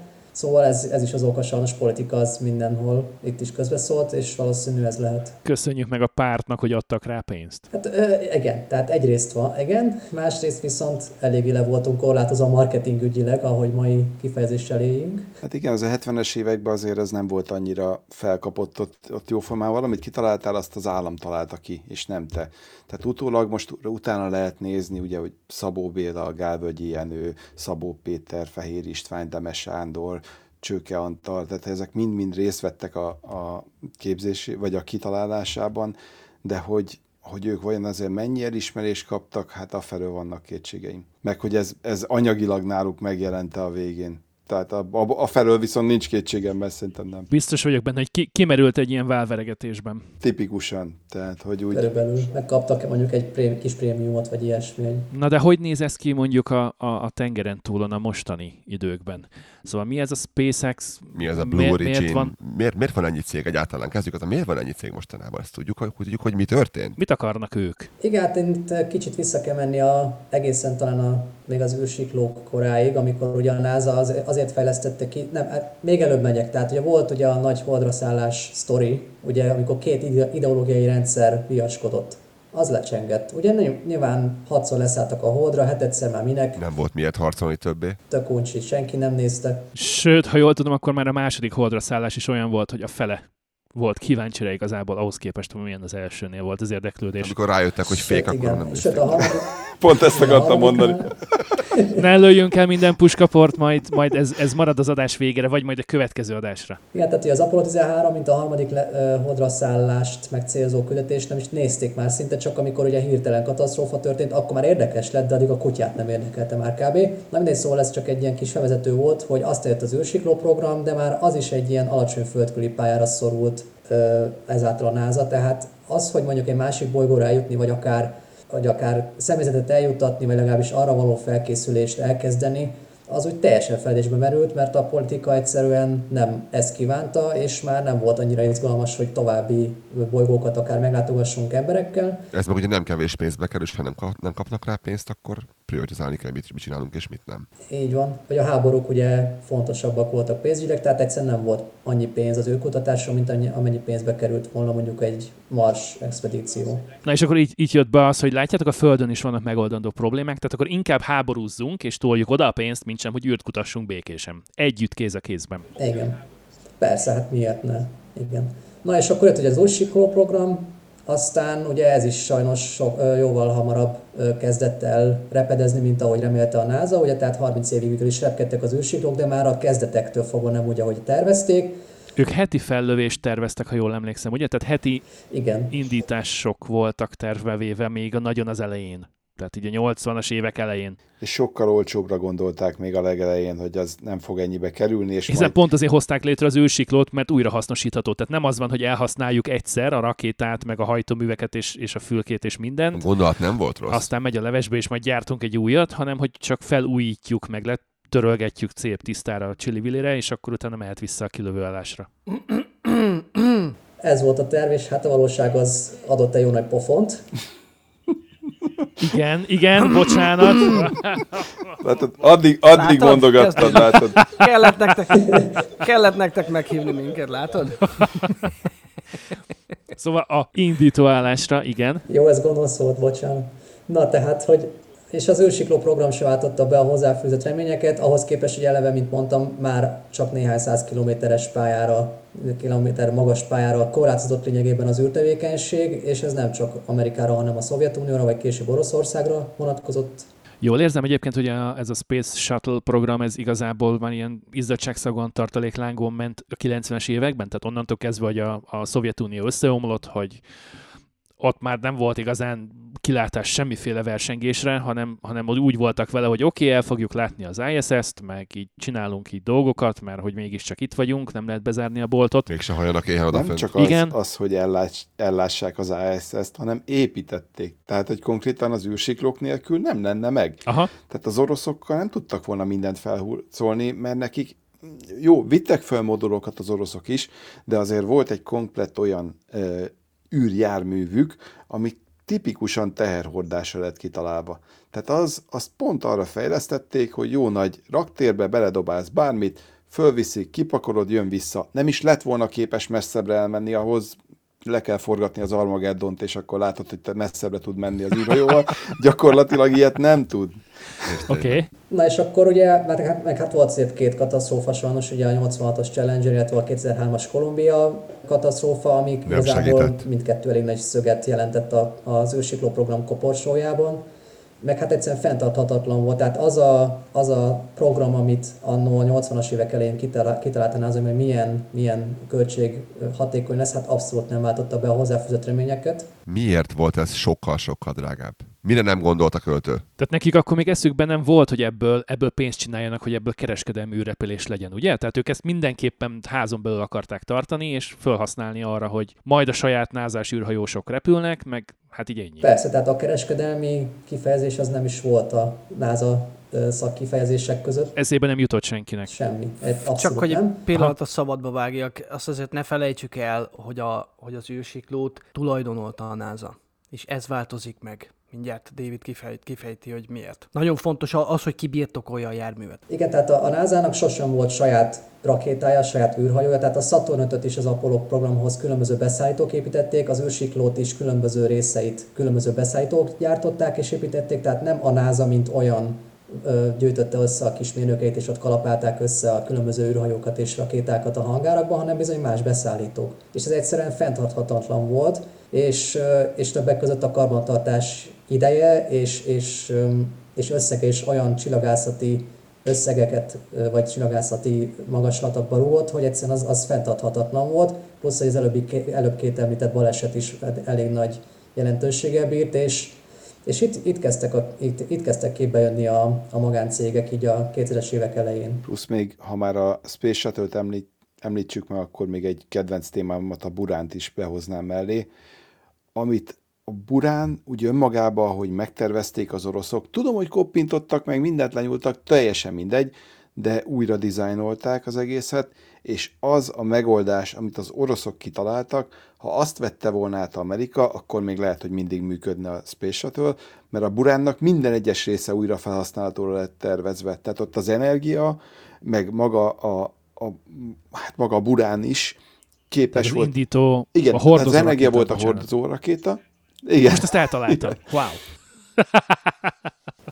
Szép volt, szép volt. Tehát a hordozó rakétának az összes eleme, ké, az volt a terv, hogy képes legyen milyen lényegében siklógépként leszállni. Tehát visszatérni, és valahol leszáll, és újra fel tudják használni, míg maga a burán, az, maga az űrrepülőgép, az meg alapból képes volt arra, hogy visszatérjen, és rendelkezett saját hajtóművekkel is, nem úgy, mint a Space Shuttle, ami önmagában egy zuhanó. Tehát az egyik egy igazi repülőgép volt, a másik meg egy zuhanó tégla. Az visszaesett a földre. Igen, az egy zuhanyó tégla volt, tehát ott, ott egy esélyed volt. Ha elrontod, kész, valahol szétkenődsz elég nagy sebe. Tehát gyorsabban ereszkedett, csak egy pé- példaként, a Space Shuttle tipikusan gyorsabban ereszkedett, mint ahogy egy ejtőernyős zuhan becsukott ernyővel. Max Velocity. Aha. Tehát, hogy itt, itt simán egy ilyen, ilyen 200-zal jött lefelé a magasság csökkenése. Tehát maga annyival, annyival csökkent. Ú, de vezet- vezettem volna egy olyat. Ah. És hogy a landolásból soha nem volt probléma. Ez az érdekes benne. Hát nem volt, mert, mert millió egyszer letesztelték, Begyakorolták a fiúk. És hogyan tesztelték? Átépítettek egy repülőgépet úgy, hogy fölmentek vele, jó, ez a Golf, nem tudom milyen Golf 2-es, már nincs meg pontosan neve, tehát hogy átépítették egy repülőgépet úgy, hogy fölmentek vele pár, jó pár ezer méter magasra, kiengedték a futóműveket, hátramenetbe kapcsolták a hajtóműveket, és akkor tedd le. És nem szakadt darabjaira a gép. hát az igen. És nem szakadt, nem szakadt darabjaiba a gép, de hogy úgy, úgy körülbelül úgy repült, mint a Space Shuttle. Most el tudod ezt képzelni, az amikor visszafele megy a hajtómű, tehát mintha rükvercet nyomnál, és akkor úgy, úgy haladjál, úgy parkolj be. Ha jól tudom, akkor beérkezésnél a, a Space Shuttle egy darabig menetiránynak háttal zuhant, és utána fordították meg. Lappal, tehát igazából merőlegesen, tehát hasával. Hasával. Aha. Hasával jött le. Hasával Wow. Ott volt a, hő, a hőpajzsnak a nagy része alul. Hiszen azon vannak a hővédő pajzsok. Mhm. Hát ilyen 40 valány fokozokat zár be a légkörhez képest. Igen, az alsón volt, ugye pont ebből jött a Kolumbia katasztrófa, hogy pont az, az a része sérült meg, és azon az egy ponton elég volt átégnie, végülis a szerkezetnek levált a szárny, onnantól meg már mindegy volt. Ha, hadd zárjuk le azzal, hogy TechHue 19 és 20. adása, mert Be az alapvetően szerint kedves adásnaplóba. hallgatók szerintem már marhára azt úgy vannak vele, hogy de akkor mi van a SpaceX-el? Csak eljutunk oda is. És akkor valami, valami történt most. Szóval, hogy ami nem érte meg a NASA-nak, jött egy startup, és annak meg megéri. Hogy van ez? És illetve most azt látjuk, hogy több milliárdosnak is úgy gondolja, hogy megéri, mert nem csak, az, nem csak a SpaceX, most róla fogunk beszélni, de ezen kívül van még más is, aki úgy gondolja, hogy ő ebbe öntene egy csomó lóvét, ránézek egy Jeff Bezos például, egy csomó lóvét öntene abba bele, hogy majd keressen ezzel pénzt. Keresnek ők ezzel pénzt? Hát a Bezos valószínűleg Nagyon jó kérdés. Eleve ott, ott, ott, kell, ott kell kezdeni a sztorit, hogy melyik cégnek milyen ambíciói voltak és milyen céljai. Ugye a, a Blue Origin, ugye Jeff Bezos a 2000-ben alakult, vagy alap, alapította Bezos bácsi, még ugye a SpaceX-et Elon Musk 2002-ben, tehát eleve kis túlzással majdnem egyszerre. Nagyon hasonló, igen. És már 20 év, már 20 év. Igen, Meg kell még említenünk Virgin Galacticot is, Sir Richard Bransonnak a vállalkozását, aki szintén milliárdos. de itt nagyjából a három cég között meg is szűnt a, további hasonlóság, tehát ennél jobban nem is mehettek volna más irányban. De hát eleve más célokat is tűztek ki. Ugye a SpaceX Elon Musk például ő nem kisebb célt tűzött ki, mint egy Mars kolónia létrehozását, tehát az egész SpaceX erre alapul. Most az, hogy még nyilván nem jutottak el 21 év alatt oda, az egy dolog, de amúgy ez a leghosszabb távú cél. Mert hogy föl kell építeni ezt a projektet, gondolom, tehát hogy kellenek olyan mellékszolgáltatások, amik ezt... Persze, hát Most még pénzt keres hozzá ezzel a szállítatással valószínűleg. igen. igen. Igen, igen, igen, igen, erre akartam célozni, hogy, hogy saját maguk akarják megteremteni az ehhez szükséges pénzmagot, és ezért vannak a kereskedelmi repülések, ezért van nekünk Starlinkünk, stb. stb. Igen, hát ugye a másik két említett cég, tehát a Blue Origin és a Virgin Galactic, vagy a Virgin cégcsoportot, ugye először Richard Branson konkrétan űrugrásokhoz alapította, űrugrások kifejlesztésére, vagy, vagy létrehozására, hogy, hogy ők abban a koncepcióban voltak, hogy az emberek, vagy hát nem csak űrhajósok, hivatásos űrhajósok mehessenek ki akár a földkörüli pályára, vagy legalábbis nem odáig, hanem mondjuk az űr határáig, hanem akik persze elég sok pénzzel rendelkeznek, de az űrugrásokat figyelembe véve egy olyan élményt élhessenek át majdnem, mint azok az űrhajósok, akik akár, a nemzetközi űrállomásra utaznak. Tehát itt eleve nagy különbség van a, a SpaceX-hez képest, meg hát ugye az ambíciók, meg az, hogy mondjuk Elon Musk eléggé jól, jó érzékkel gyűjtötte maga köré azokat az embereket, akik egyrészt konkrétan nem csak a, a családjuk, de a, tehát, vagy nem csak a sajátjuk, de a családjuk szabad idejét is kb. feláldozták, a- már akinek volt családja, hiszen ott nagyon fiatal mérnököket toborzott maga köré, pont azért, hogy ne legyenek még annyira, ö, ne kelljen rendelkezésre állni mondjuk, amikor a gyerek sír este 8-kor, Lekötve, ne legyek lekötve még mással. Pontosan, igen.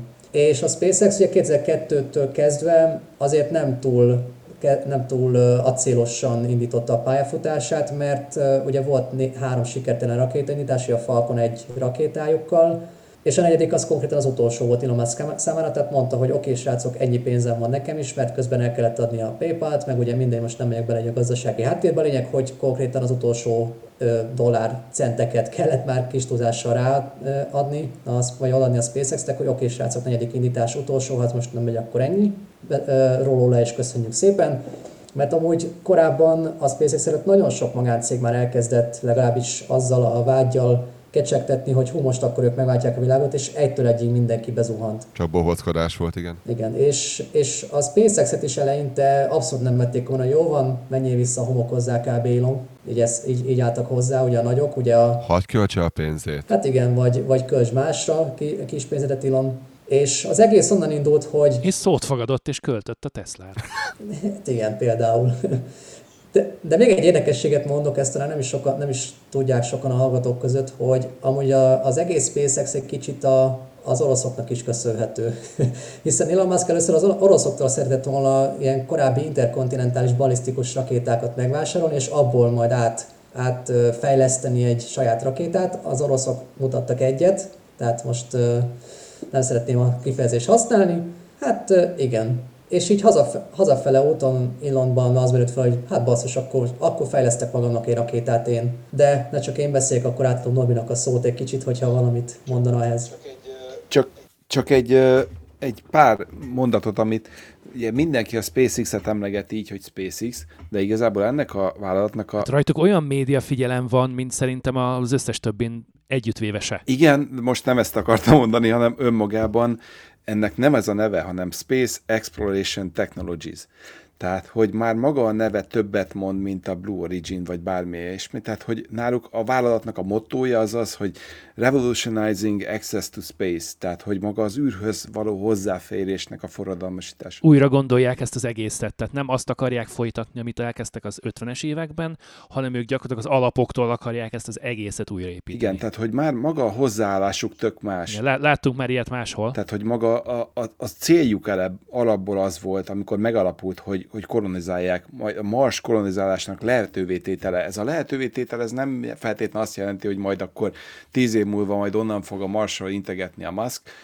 Nagy eséllyel egyébként ő nem fogja ezt, ezt, ezt meg tudni lépni, hogy ő, ő meglássa a Marsot valaha is de ettől még, még abba az irányba megy el, és, és... Ami kell hozzá, azt megszerezzük. Igen, tehát hogy felépítsünk egy olyan... Tehát annyiból, annyiból hasonló lesz az 50-es, 60-as, 70-es évek űrversenyéhez, hogy ez egy baromi hosszú út, és amíg A-ba lejutunk B-ig, B-be, az alatt az út alatt nagyon sok mindent fogunk tanulni, nagyon sok mindent fogunk felfedezni, feltalálni, végrehajtani sikeresen, együtt. És elbukni, és meghalnak sokan, meg lesz az árnyoldala is bőven. Remélhetőleg kevesebben. Ezért jön, ezért jön föl Kína egyébként gyorsan, mert náluk az emberület nem fontos. Tehát ők fölment, nem sikerült, eh, mert a következő holnap. Na, nem, nem csak az nem fontos. viccelek, viccelek, persze, viccelek. Viszont ott bármikor megtalálod a rakéta hajtóműveket találhatsz a házadba, a, az asztalodon, a a csűrben. Kunyhót tetején. Az igen. Gonoszak vagyunk. Nem így van. Kis tudásra egy egész első fokozat visszaúlik. Egy azért óriási különbség. Tehát el, először is szögezzük azt le, hogy míg, míg a 60-as, 70-es években államok, országok fejlesztek ki ezeket az óriási technológ, tehát ezt a technológiai lépést úgy, hogy alapvetően teljes mértékben korlátlan hozzáférés, anyagi hozzáférést á- biztosítanak, addig itt végre meglátjuk azt, hogy elkezdenek gazdaságosan fenntartható módon kifejleszteni dolgokat. Egy, kettő pedig, amit mindig kiemelünk, a SpaceX egyik legnagyobb innovációja. Azt próbálják kifejleszteni hasonlóan a Tesla-nál, hogy nem csak egy produktumot néznek, hanem hogy tudom a gyártást leginkább úgy kialakítani, hogy a leghatékonyabb legyen, a leg eredményesebb legyen. És a, a Falcon 9-nél már elkezdtük ezt látni. Csak egy gyors megjegyzés, hogy amíg annak idején adott dollárokból állt irgalmatlan mennyiségű pénzösszeg rendelkezésre, a NASA-nál például, addig most ez nincs. Tehát a SpaceX az nem adóforintokból működik, és nem egy állami tulajdonban lévő cég, hanem... Pénzt kell keresni ahhoz, hogy emeljen. Részben, részben. Mert amikor sikerült a Falcon egy indítása, a negyedik indítása, és talán azt még indítottak még egy, volt még egy indítása, amivel eh, igen, egy, egy hasznos terület, tehát egy műholdat jutott, juttattak a, az űrbe, utána ők teljesen abba hagyták a fejlesztését, és azt mondták, hogy oké, okay, elkezdjük a NASA-val a partner, tehát e, ez erről szólt, hogy a NASA... Lássa azt, hogy ők képesek. Nem is az, hanem, hanem, hanem elindult egy olyan program, amivel elkezdték kiszervezni mondjuk a nemzetközi űrállomás teher és emberes ellátását, először teher, aztán majd emberes ellátását magáncégekkel. És itt utaltam arra, hogy itt már nem az van, hogy legyártják az űrséklót, és onnantól kezdve a NASA tulajdona, hanem a NASA csak helyet vesz járatot vesz, mondjuk. Egy szolgáltatást vesz. Aha. És ez így van, de mindent maga a SpaceX intéz. Ők gyártják, ők fejlesztenek. Mekkora mértékben van jelen ebben adópénz, tehát a közpénz mondjuk így, és mennyire van ebbe jelen akár Musknak a saját büdzséje, a befektetőknek, kockázati befektetőknek a pénze? Hát attól függ, melyik évet nézzük. Tehát az elején egyértelmű, és ezt Musk is nyilatkozta többször, hogy a NASA nélkül nem létezne a SpaceX valószínűleg. Tehát ők a kezdeti éveket nem élték volna túl, hogyha a NASA nem kínálja meg őket 300 valahány millió dollárral, ami azért elég sok volt Aha. akkoriban, majdnem 20 éve. Most is elég És sok. hát azért említettem előbb egy bizonyos nem, most is elég sok, igen, azért Ez, ezt ők hitelbe kapták, vagy ezt odaadták nekik, hogy fiúk dolgozatok, hiszen jó, ti, ti hatékony... Ez R&D-re ment, igen. ez egy, fejleszté, ez egy szerződés, ez egy kereskedelmi, kereskedelmi űrrepülési szerződés volt, a, ez még nem a Commercial Crew program, Na, de ez nem egy ingyen pénz volt, hanem ezért teljesíteni is kellett a SpaceX-nek. Tehát nem az volt, hogy, hogy figyeljetek, van nálunk két zacskó pénz, ezt adjuk oda a SpaceX-nek, aztán majd csinálnak vele valamit. Az, akire gondol, hogy General Motors volt, aki így kapott pénzt.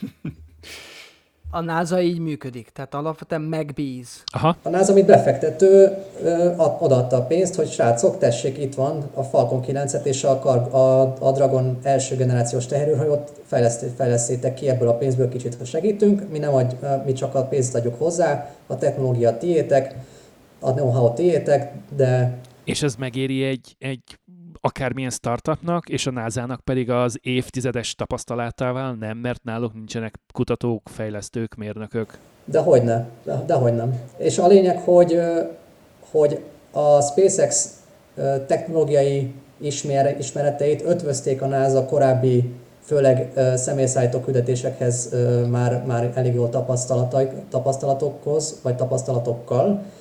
De a lényeg, hogy itt egy olyan, olyan szimbiózis alakult ki egy űrhivatal és egy magáncég között, amire korábban nem hogy példa, de még, még talán gondolat sem volt. És ugye pont, ez, pont Aha. akkoriban kezdték el már, ö, ö, már, már játszani a gondolattal, ugye 2003 után, ugye a Kolumbia űrsikló katasztrófája után, hogy a, a NASA már elkezdte már lassan tényleg azt fontolgatni, hogy a hogy nyugdíjazni fogja az űrsiklókat, viszont a, a későbbi éveket meg kellett oldani valahogy. Aztán És onnantól kezdve még 9 évig repültek, ha jól emlékszem. így Ugye? van, tehát hát 8 2011-ig. 2011-ig, é- de ugye akkoriban kezdték Ó, igen, el nyolc, már a ja. teherszállító küldetéseknek a szerződéseit előkészíteni. Ugye akkor szerződtek le a, a Boeing-gal, mint egy, egy, egyik nagy óriással, egy, egy a, ugye repülőipari és már ugye űr, űripari óriással is, és akkor itt volt a Boeing mellett a, a SpaceX, mint egy ilyen kis nebuló konkrétan, hogy srácok, ti mit, mit kerestek itt, néztek rájuk a boingosok, hogy nehogy már ti akarjatok még velünk versenyezni, aztán most meg lát- látjuk a dolgokat, de majd beszélgetünk erről is, hogy ma mi a helyzet. De a lényeg, hogy tényleg ez nagyon fontos kihangsúlyozni, hogy a NASA nélkül a SpaceX nem lett volna az, ami. Norbi? Viszont azt ne felejtsétek el, hogy bármilyen állami projekt, és most nem kell feltétlenül abból kiindítani, hogy kiindulni, hogy mm, Magyarországon is az építi az utat, aki még soha nem építette, stb. Tehát, hogy nem ilyen, de ha bármilyen állami projektet nézel, akkor az igaz rá, hogy borzasztó nehezen mozdul, borzalmasan nagy pénzek lesznek a végére, mert innen szeded azt, amonnan másik helyről megpályáztatod, ott ilyen, ilyen feltételekkel bírálják el, a másik helyen másképp bírálják el. Amerikában ott, ott még ugye a katonaságnak is, meg a különböző pártoknak is különböző beleszólásai lehetnek, tehát a végére, a vég... Igen, erről is akartam beszélni, hogy hol, hol válik ketté a az űrkutatás és az Hadipar, igen. hadászat. Ugye annak idején, annak idején vadászgép pilóták, tehát hogy hivatásos katonákból lettek űrhajósok. Szerintem ez még most is nagyobb, nagyobb eséllyel kap egy vadászgéppilóta űrhajós képzést, mint egy, egy átlag Joe. Van hozzá egy alapja ugyanis. Igen, tehát, hogy egy sokkal- mi egymást. Hát igen, azért bizonyos terheléseket kell viselni, ugye el kell viselni. Igen, meg tipikusan a, a vadászgéppilóták azok nem ilyen 230 centi magas, ezért 100 kilós emberkék, hanem, hanem inkább a Tom- Cruise irányba mennek el, tehát hogy így, én nem lennék jó pilóta. ha, ha ezt nézzük, tehát hogy, hogy egyszerűen technikailag nincs értelme felküldeni egy olyan embert, aki helyett kettőt felküldhetnél. Kevesebbet eszik, mi egymás. hogy ez egy, ez egy sima, sima mezei matek, hely, helyben is minden, minden egyes gram, minden egyes köpcenti, amivel nagyobbnak kell lenni bárminek, az, az mind komoly pénzekbe fog kerülni, mert indításnál ki lehet számolni, hogy egy kiló dolognak a felküldése az hány ezer dollár, vagy hány tízezer dollár. És akkor már nem mindegy, hogy most melyik embert küldött fel, és a pilóták azok tipikusan nem ez ilyen, ilyen óriási emberek, tehát már könnyebben kiválasztják őket. Míg egy, egy cégnél, hogyha te szolgáltatást veszel, a cégnek az az érdeke, hogy neked minél jobb áron adja a szolgáltatást, és saját berkein belül meg tudja vagy el tudja intézni azt, hogy ő majd leszerződik, hogy mondjuk csak az alapanyagokat veszi meg nála, felveszi a szakembergárdát. Ez tipikusan a SpaceX az ilyen, hogy ő mindent, mindent is próbál a saját keretein belül tartani, és ha már jártatok, dolgoztatok bármikor csapatban, akkor biztos, hogy mindannyiatoknak ismerős az az érzés, amikor bekerülsz egy valamilyen projektre, ott van X ember, és, és azt mondják neked, hogy ebből kell válogatnod és utána, amikor azt mondod, hogy egyik se jó mondjuk az adott feladatra, akkor feltetszik azt a kérdést, hogy miért tudsz jobbat, nem, akkor viszed ezeket.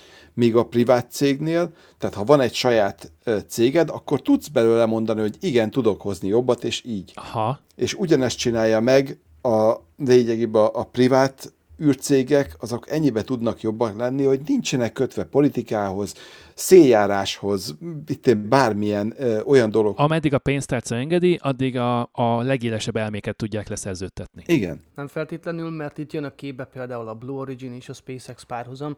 Ezt nagyon-nagyon sokszor, nagyon sok platformon elmondtuk, hogy egyszerűen a világ pénze ott van a Blue Originnél, és mégsem tudják úgy stimulálni a világot, hogy a legjobb mérnökök náluk kössenek, és ezzel nem ledegradálni akarom az ott dolgozó mérnököket, de mégis hogy lehet az, hogy egy két évvel idősebb cég, mint a SpaceX még nem jutott földkörüli pályára. És ez azért az nagyon elgondolkodtató. Két évvel fiatalabb. Két évvel idősebb. Igen, jól mondtad, csak én, jó, igen. És alapvetően az a gond vele, az a gond vele, hogy míg ott van egy cég, ami teljesen idle, teljesen egy helyben jár, a suborbitális repüléseken kívül nem tudott mást igazából elérni, csak a szájuk jár és perelnek, addig ott van egy másik cég, aki eljutott földkörüli pályára többször is, kiszolgálja teherrel és emberekkel a nemzetközi űrállomást, privát járatokat indít már, magán turista járatokat tudnak indítani, sőt kiszolgálni más privát cégeket, és még emellett fejlesztik a világ legnagyobb rakétáját. Tehát egyszerűen óriási a különbség. Ezért mondta Dávid, hogy körülbelül az, indít, az, az indulásnál ott... Tehát még az egyik több lábon áll, addig a másik igazából csak próbál fölkelni a karosszékből? Nem is az, hogy több lábon áll. Valamiért nem haladnak előre. És nem biztos, hogy a SpaceX, hogy mondjam, a Blue Origin-nel van a baj, inkább az, hogy a SpaceX tud olyat csinálni, amit még senki idáig a történelem során. Pont ezt akartam mondani. De ha jól emlékszem Dávidnak a szavaira, akkor ugye ez a három cég, ez három különböző irányt jelölt meg magának, három különböző utat választott. Hát, hát legalábbis kettő. Tehát a Virgin meg a Blue Origin nagyjából az űrugrásokkal hasonló, de a SpaceX teljesen más, igen. igen. Ők turistáskodni akarnak. Alapvetően a Blue Originnek már nagyon régóta megvan a rakéta programja, hát a New Glennel e, és a New Armstrong lesz a még nagyobb rakétája, ugye? Jó, ne kiabáljuk el. az a baj, nem tudom már nevetés nélkül kihagyni, de igen. Lá- lássuk meg, igen lássuk meg. Tehát a tervek megvannak az elejétől kezdve, a kivitelezés nincs ott. Itt van egy megint egy párhuzam a, a Tesla és a SpaceX között, és ez, én annak idején, mikor most beszélgettünk pont a, a Boeingről, én meg voltam lepődve annó, hogy nem ők voltak az a cég, akik, akik elérték mindazt, amit a SpaceX elért az ő hátterükkel, meg mi egymással annak idején. Majd amikor a Teslán keresztül láttam meg azt, hogy van egy óriási különbség egy, egy ilyen régi, begyökerezett cég és egy vadi új kis cég között, az pedig az, hogy teljesen másképp gondolkodik. Ugye gigacasting mi egymás, ők nem beszállítókon akarnak ülni, és amit tudnak kapni, azt megkapják, és kész, ahogy beszéltük is, hanem a mindset, a gondolkodás módjuk teljesen más, mindkét cégnek, a SpaceX-nek is, meg a Tesla-nak is, és ez, ez teszi őket teljesen máshová a térképen, mint bárki más, és ettől tudnak másként fejlődni és menni valószínűleg. Míg a, a Boeing ilyen, ilyen nehézkesen mozog, mert így meg vannak ilyen berögzött dolgaik, hogy mit hogyan kell csinálni, mit, mit, mi, hova, hogy szóljatok a bosnak, majd ő hoz valamit ehhez, vagy nem tudom. És ez, ezek abszolút hiányoznak itt.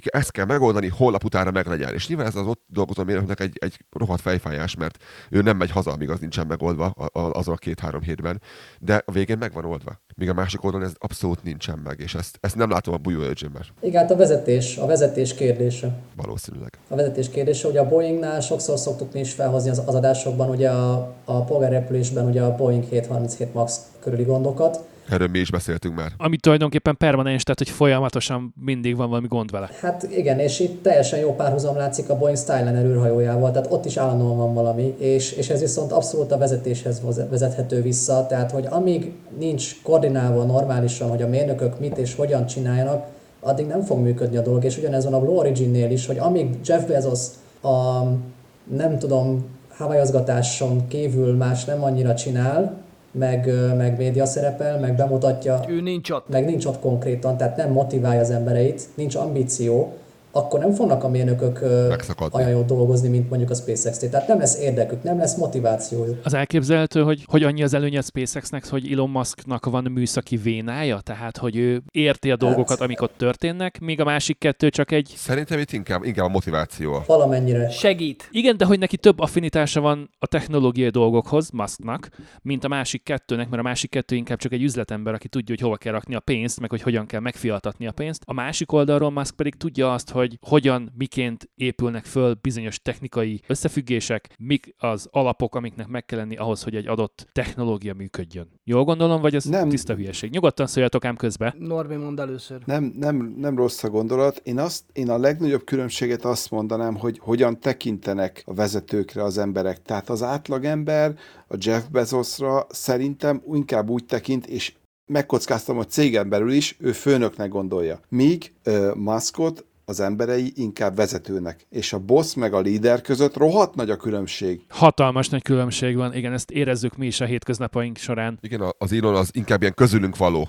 Somószor látom, hogy közülünk való ember. Ő is. Ő is itt, itt ül a asztalnál csomószor velünk. Így, így élik meg legalábbis az embereik, ha így van, hanem. Hát de nem is azt, tehát, hogy a líder pedig a vállára veszi a céget, és gyerekek, erre megyünk. Tipikus előre vagy utánam, ugye? Még a főnök azt mondja, hogy te ezt csinálod, te azt csinálod, te meg azt csinálod, engem meg hagyjatok békén itt iszogatni Igen. a limonádémat a beachen. Igen, tehát az egyik az előre, elő, elő megy és mondja, hogy kövessetek, a másik azt mondja, hogy arra menjetek, és majd én megyek utánatok. Pontosan. Tehát, hogy ez egy, ez egy hatalmas különbség, és ezt nem csak azok látják, hanem, hanem marha sok olyan ember megy a, a Teslahoz, aki, aki csak hallott az egészről, és látja, hogy, hogy az ember ez ért is ahhoz, amit csinál. Tehát mindenbe próbál bele, bele tanulni, ami érdekli, azt kitanulja, és nem úgy fog leülni veled beszélgetni, hogy ő neki lövése nincs a dologról, és te ott elmondhatsz neki bármit, tehát nem fogod tudni átverni, viszont tanulni tudsz tőle nagyon sokat. És hogy kicsit visszakanyarodjak a, az állami szervezetekhez, a NASA az azért is jó, hogy nem csak a pénze miatt volt jó, hanem azért, hogy a, a NASA ad neked egy csomó pénzt, és kijönnek oda a názás ellenőrök, és megnézik, hogy neked az, az, az hogy lett megcsinálva, hogy lett megvalósítva, ott ezer százalék, hogy nagyon sok tudás átadás is van. És az abból még profitálsz a pénzen felül. Tehát, hogy van egy olyan minőség ellenőrzés, ami, ami sehol máshol, és ami egyébként, amiről tudjuk, hogy nagyon fontos. Figyelj már, ezt miért így csináltok, miért nem úgy? Igen. Mi ezt mindig úgy szoktuk csinálni, hogy mit, mi, mi az oka ennek? Aha. Igen, mert a NASA-nak ugye van egy pár évtizedes tapasztalata, hogy a űrrepülésben a SpaceX-nek meg hát nem volt, és ezt a tudást a technológiai innovációval ötvözve, tényleg ez, amit ma láttunk a SpaceX-től, és senki mástól egyelőre. Én alapvetően két dolgot emelnék ki. Egy, én nem szeretem túl misztifizálni az Elon Musk szerepét, mert úgy gondolom, hogy ő, tehát azon felül, hogy ott van, ő egy víziót ad az embereknek. Nem, nem ő mondja meg, és nem mutatja feltétlenül az utat. Nem ő tervezi egy személyben azt a hajót. Hanem a, így van, hanem ad egy célt ami mögé be tudnak állni az emberek, és az egész mindset, ez a, ez a legfontosabb szerintem üzenet ennek az egésznek. Tehát egy olyan karizmatikus vezetőre van szükség, mint annak idején volt mondjuk Steve Jobs az Apple-nél? Abszolút, abszolút, de megint csak kell egy cél, a mars, és minden, ami oda vezet, az mindig csak egy, egy, egy, egy lépcsőfok ahhoz, hogy elérjük azt a... Ha. Tehát az, hogy az ember multiplanetáris fajá váljon. De szépen hangzik. Mert, a, mert egzisztenciális kérdés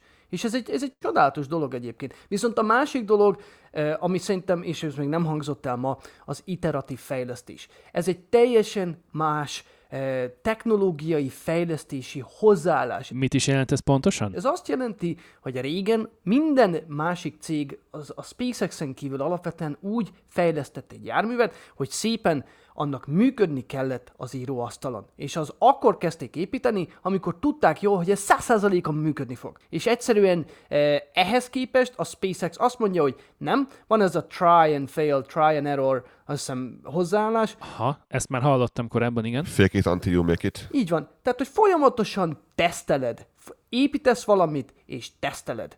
Ha nem jó, akkor más útvonalat választasz. Egy ilyen evolúciós fát képzeljétek el. Aha, Viszont van egy csomó információd abból, hogy mielőtt fölrobbant, előtte mi történt, és hát, ú, erre nem is gondoltunk, ez ott, az ott ezt csinálhatja. Pontosan.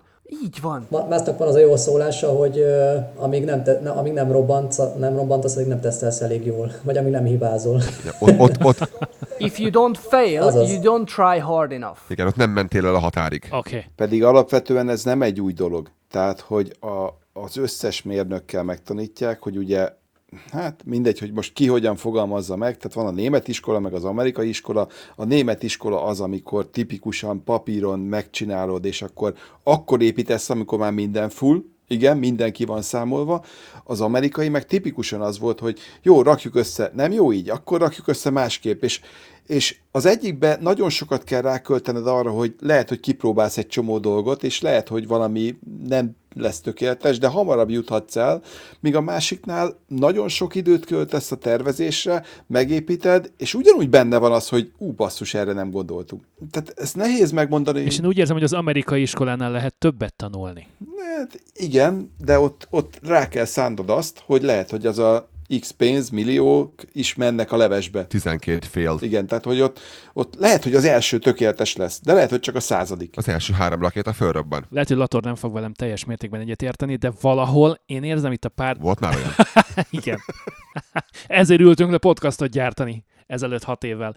Szóval érzem itt valahol a párhuzamot a emigráció, kivándorlás, külföldi munkavállalás tekintetében, hogy, hogy ide kell jön, tehát hogy otthon Magyarországon ülve a Facebook előtt csak elképzeléseid lehetnek. Gondolsz valamit? Kiköltözöl a családoddal Kanadába, és elkezdesz dolgozni, és első munkanap, második munkanap, harmadik munkanap, és kiderül, hogy ez egy hatalmas nagy failure lesz a számodra, és fölülsz a repcsire, és mész haza, vagy profitálsz abból a hibákból, amiket elkövettél saját magad által elkövetett hibákból, amit a saját magad bőrén megtapasztalsz, és ebből építkezve leszel jobb majd a negyedik, meg az ötödik, meg a hatodik, meg a tizedik, meg az ezredik munkanapodon, és a végén rájössz, hogy basszus, ez működik. Hagyj nyáljam ezt annyival, hogy pedig előtte olvastál egy csomót. Michio Kaku beszélt a Lex Friedmannel, és egyszer mondta, hogy Amerikának a legnagyobb, a legnagyobb előnye, vagy a legnagyobb fegyvere, idézőjelben, az a J1-es viza. Tehát egyszerűen olyan embereket vonz, és olyan lehetőség, olyan, olyan környezetet ad, ahol igenis ki tudnak bontakozni emberek, és tényleg eh, lehet szídni az Am- Amerikát nagyon sok mindenért. Ők meg tudnak egy kis brain drain csinálni rögtön. Az, az. De azért, mert, mert egyszerűen Európában nincs meg az a táptalaj például, vagy nagyon sok helyen a világban, vagy például Dél-Afrikában. Pedig hány nemzet él ott is együtt, és az az érdekes, hogy, hogy ide jön a magyar, a német, az olasz, a francia, a brit Amerikába, és itt tök jó dolgokat tudunk csinálni, míg a saját kontinensünkön baromi jól tudunk egymással háborúzni, meg köpködni egymást a határ két oldaláról. Hát, túl, túl széttagolt az egész. Sokan élnek kicsi helyen. De ez már politika. Igen. Illetve valahol az is benne van, hogy, hogy azok, akik kimennek, azoknak van egy valamilyen képük, egy valamilyen tervük. Azok már olyan típusú emberek. Ezt én szoktam mondani, igen. Az, egy, olyan- az már egy szűrő. Igen, hogy meg akarják valósítani magukat, és, és nem, nem törődnek bele abba a dologba, ami, amiben vannak. Mert hogyha te otthon ülsz, el vagy a kis faludba, mit te mindig csak azzal a tíz emberrel találkozol, aki, aki ismersz 40 éve, akkor nagyon-nagyon kicsi a lehetőséged abból, hogy kimozdulj, és egyébként nagyon kevés infóhoz is fogsz jutni. Viszont ö, volt egyik volt főnökömnek volt a kedvenc mondás, vagy egyik mondása az, hogy, hogy ha megcélzod a holdat, akkor lehet, hogy eljutsz mondjuk a kerítés tetejéig, és nem jutsz el a holdig, de ha egyből a kerítést célzod meg, akkor lehet, hogy el se indulsz. Tehát, hogy ez egy marha nagy különbség Igen. A kettőben, hogy, hogy inkább legyen egy rohadt nagy álmod, és abból valósuljon meg 10%, mint sem, hogy Menjünk már a azt Marsra. 10% legyen az álmod. Igen, például a Mars. Például igen.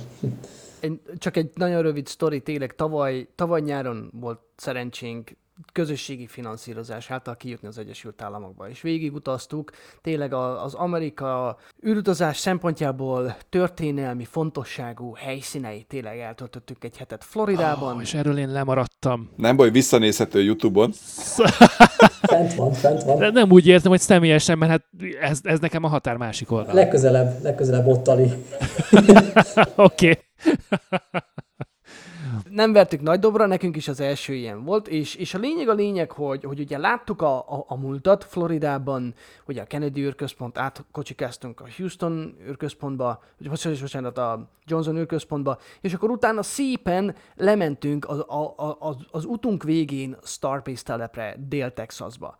És, és elmondhatatlan élmény az, hogy ott látod a jövőt. Tehát, hogy ezelőtt 10-20-50 évvel ezelőtt nem állhattál ott, hogy ott, ott a kerítés túloldalán fejlesztik a Saturn 5 És most meg ott állsz, a világ legnagyobb rakétája, 120 méter magas, teljes mértékű, 100%-ban újra felhasználható rakéta, és ott álltunk az, a második fokozattól 50 méterre egy 50 méter magas valamitől. Wow. És egyszerűen, egyszerűen így pff, felrobbantja az agyat, hogy így, hogy így állsz a jövő előtt. A SpaceX ebből a szempontból is teljesen új megvilágításba helyez az egészet, mert tényleg annyira nyíltan, konkrétan beleláthatunk 0-24-ben egy teljesen új generációs rakéta születésébe, ami, ami tényleg így akár még pár éve is elképzelhetetlen volt, és és ebből a szempontból is annyira újdonság, hogy, és még egy nagy különbség például a Blue Origin, hát most úgy, ahogy de fejleszti a szerencsétlen orbitális rakétáját, a New Glenn, ugye, de ők a mai napig a hangáron belül. Ha szigorúak vagytok vele. Tehát ők abszolút... Igen, tehát szoktuk őket foclizni, Jeff Hu, meg... Megérdemlik, én nem mondom, hogy nem érdemlik meg. De igen, mi is ezt szoktuk mondani, jaj, meg szoktuk kapni, jaj, fiúk, legyetek már. Én úgy dicsérném őket, én megmondom összesen, úgy dicsérném, de nincs miért. Bárcsak, igen, mindig ezt mondjuk, hogy bárcsak, ne csak a SpaceX-et tudnánk dicsérni, de hát most mit csináljunk, hogyha csak ők vannak a, a poronon egyelőre? és akkor meg szoktuk kapni, hogy SpaceX, SpaceX fanboyok vagyunk, pedig nem. Lator, Lator kapaszkodj, mert ez, ez magával fog ragadni. Szerintem a Blue Origin az űrkutatás toyota -ja. ja. Bár lenne megbízható, amit csinálnak, de igen, amúgy értem, miért mondod.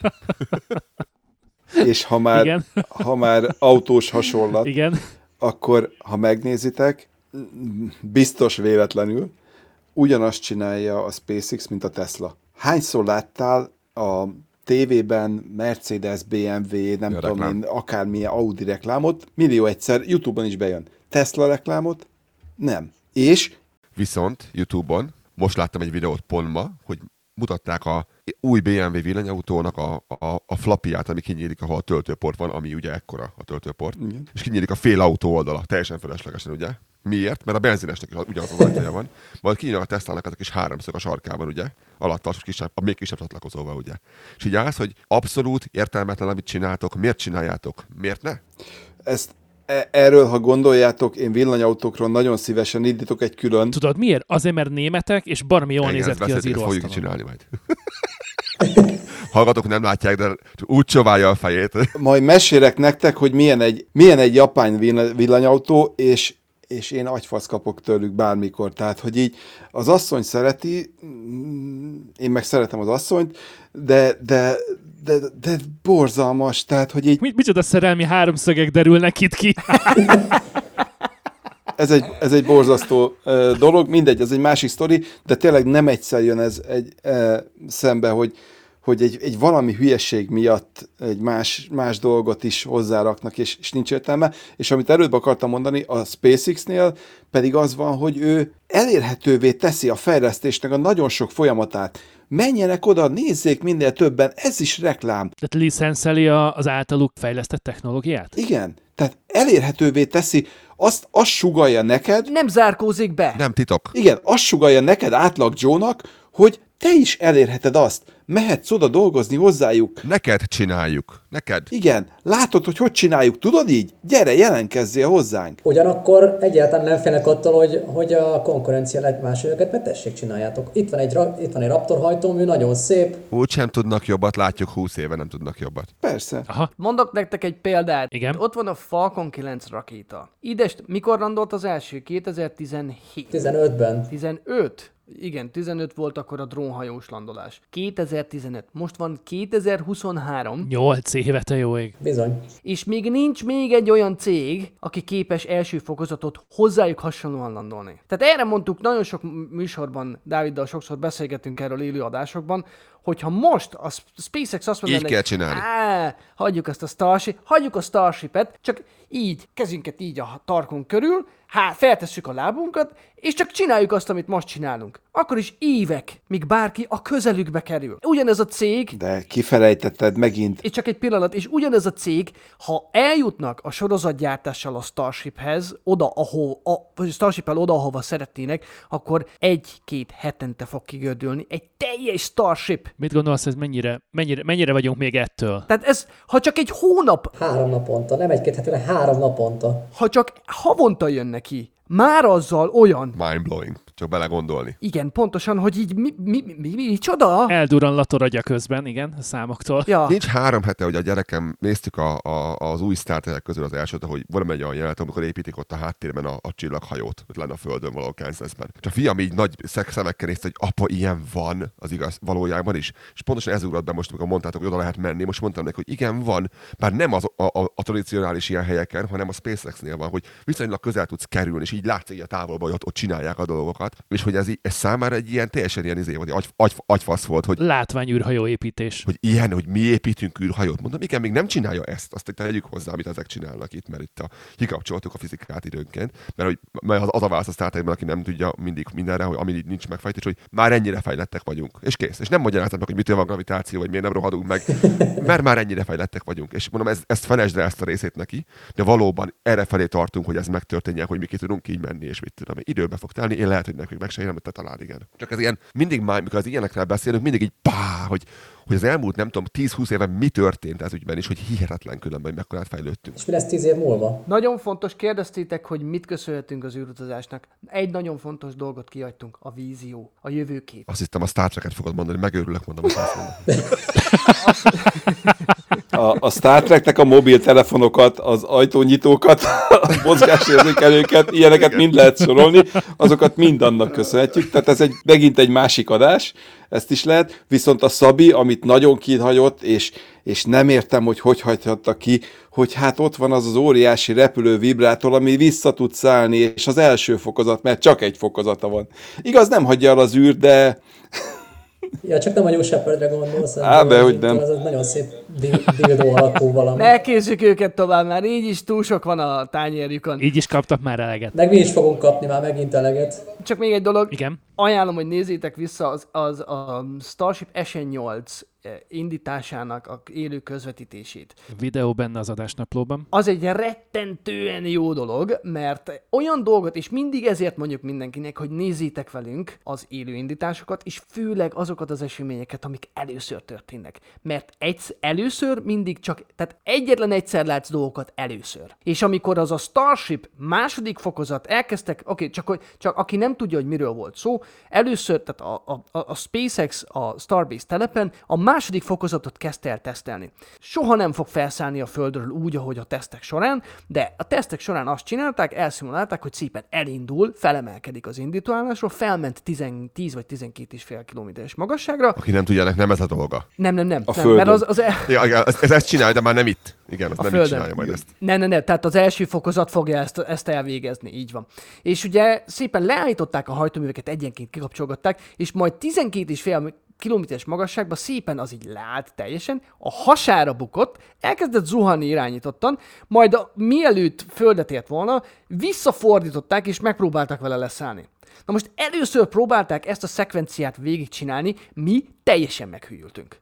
Tehát mint, mint a Spübek tévésben, hogy itt mindenki hülye, és akkor a Revicki mondja, hogy itt, Itt mindenki. mindenki. Tehát konkrétan elvesztettük az agyunkat, mert olyan szint, olyan dolgokat láttunk, amit még soha. Mi a szart csináltok? Igen, ti mi a szart csináltok? Igen, eleve az, hogy Hogy ez, ez kinek jutott az eszébe ilyen? így van, eleve az, hogy elindult. Eleve az, hogy emelkedett, nem tudtuk, hogy ez a terv, hogy szépen egyenként kikapcsolgatják a hajtóműveket, mi meg Szegény, ott, úristen leállt. Föl is robbanhatott volna az ötödik másodpercben. Simán, hát, hogy el se indul. Az is benne volt a de el se indul, Ennek ez, igen. mondom, ez, ennek, ez nem, ennek ez nem dolga, igen, ennek, ennek ez abszolút nem dolga a földről felszállni. Vagy így indul el, és akkor így valahol itt Ja, a oldalt Space ér. Y? Annyit? igen, igen. És akkor szépen az, az úgy leállt, megint csak ezeket a flepeket ott senki nem tesztelte még, hogy az majd ott, majd ott tényleg irányítottan tud majd zuhanni, mint egy, egy büdös nagy tárgy, és távolról vannak fel, De, de felvételek. itt már tudom, mi volt bent a izében. Figyelj már, figyelj, fordíts már vissza. Vissza fordítani? Mindjárt megnézem, várjál. Passzak, ez visszafordult, ti hallod? Ku- Kurva jó. Ezt látom Igen, magam előtt, ez működik. És a csatornánkon van egy ilyen mondásunk, ez a na menj már, mert körülbelül én, tehát ez nem volt direkt, én, én csak elkezdtem azt ismerni, hogy na menj már, na menj már, na menj már, mert tényleg látod, hogy beindul a hajtómű, és pst, elkezd visszafordulni a, az, e- a második fokozat, és majdnem leszálltak. Ha a hajtómű... Újraírták a fizikát. És egyszerűen megáll az eszed. És tényleg ez egy 50 méter, 50 méter hosszú, 9 méter átmérőjű monstrummal, tehát nem egy ilyen kis ceruza elemmel. Ez nem valami, ami így pörög a levegőben könnyen. Nem, nem. Tényleg a két másik hajtó milyen gyönyörűen kiellensúlyozta. Figyeljetek, most, Aha. most kicsit az, a dőlés szöge változik. Azért Szem- jön Szemébe fogják gyújtani? Biztos. Hát miért ne gyújtanák Azt be? egyet. Nézzétek. És begyújtják. És begyújtják! Hát ez Na nem menj már! Na Ne. menj már! Ne, ne, ne, ne. És ne, Ne. fogsz állni! Na menj Ne, ne, ne. már! Na menj már! I- Ehhez jön még alá egy, egy 70 méteres kis semmiség, és ezért mondta Szabi már többször, hogy ez egy 120 méteres minden idők legnagyobb rakétája lesz, amit mind a két fokozata teljesen újra használható lesz, nem dobálják el, mint bármelyik más cég. Ezt, ezt szoktuk mondani, mint a, mint a pogár repülőgépeknél, hogy leszáll, feltankolják, megint felszáll. Mielőtt belemennénk ennek a részleteibe, még egy utolsó kérdést ehhez a témakörhöz engedjetek meg, csak hogy haladjunk előrefelé, mert Ja, nem tudom, hogy, hogy hány darabba kell vágnom majd az adást, hogy a hallgatók végig is hallgassák. mert egyébként, ha rajta múlna ezt a beszélgetést, tudnám csinálni egyébként egészen napnyugtáig. Nem, összejön kell jönnünk még egyszer egyébként, mert, mert meg fogunk halni, ha ezt végigveszünk most egyébként. És nálunk még csak dél van. Úgyhogy, úgyhogy egy 8 órányi rögzítés van még hátra. Majd egy WC szünetet tartsunk egyébként. Utolsó kérdés a SpaceX-es témakörbe, hogy szerintetek mikor fog Elon Musk a Marsra költözni? Átkötve a következő témakörre, ezt azért kérdezem, mert mondták már többen is, hogy Elon Musk jól összebassza itt a légkört a rakétáival, majd elköltözik a Marsra, és ott fog jól élni. hát ő valószínűleg nem. Nem fog, nem fog, nem fog, nem ez a cél. Ő nem, de szerintem valamelyik gyerkőc. Mindenki csóválta a fejét. A összes képen azt látta, mindenki csóválta, és mindenki becsukta a szemét, hogy ne, ezt a hülyeséget. Ez, ez a bulvár média, sajnos. Kilug, ez, kilugatja ez itt a sajnos. légkört nekünk. De igen, akkor minek szennyezi a légkört, ha úgyse fog a Marson meghalni? Hát oda, mert minden egy folyamat. Tehát az egész világ egy folyamatból áll, vagy sok folyamatból, és egyszerűen odáig is el kell jutni, de annak is vannak lépcsőfokai. És ha ő nem, akkor valószínűleg a sok gyerekek közül valószínűleg az egyik, az, az már leszállhat. Ezzel jól le van látva egyébként, tehát ezzel nincs gond. hát a gyerkőcök vannak, igen. Sajnos a narratíva az, hogy ez az egész azért történik, hogy majd A nagyon gazdagok, igen. pakolják a cokmokjukat a milliárdosok, a pereputyot is majd szépen elköltöznek az új világba.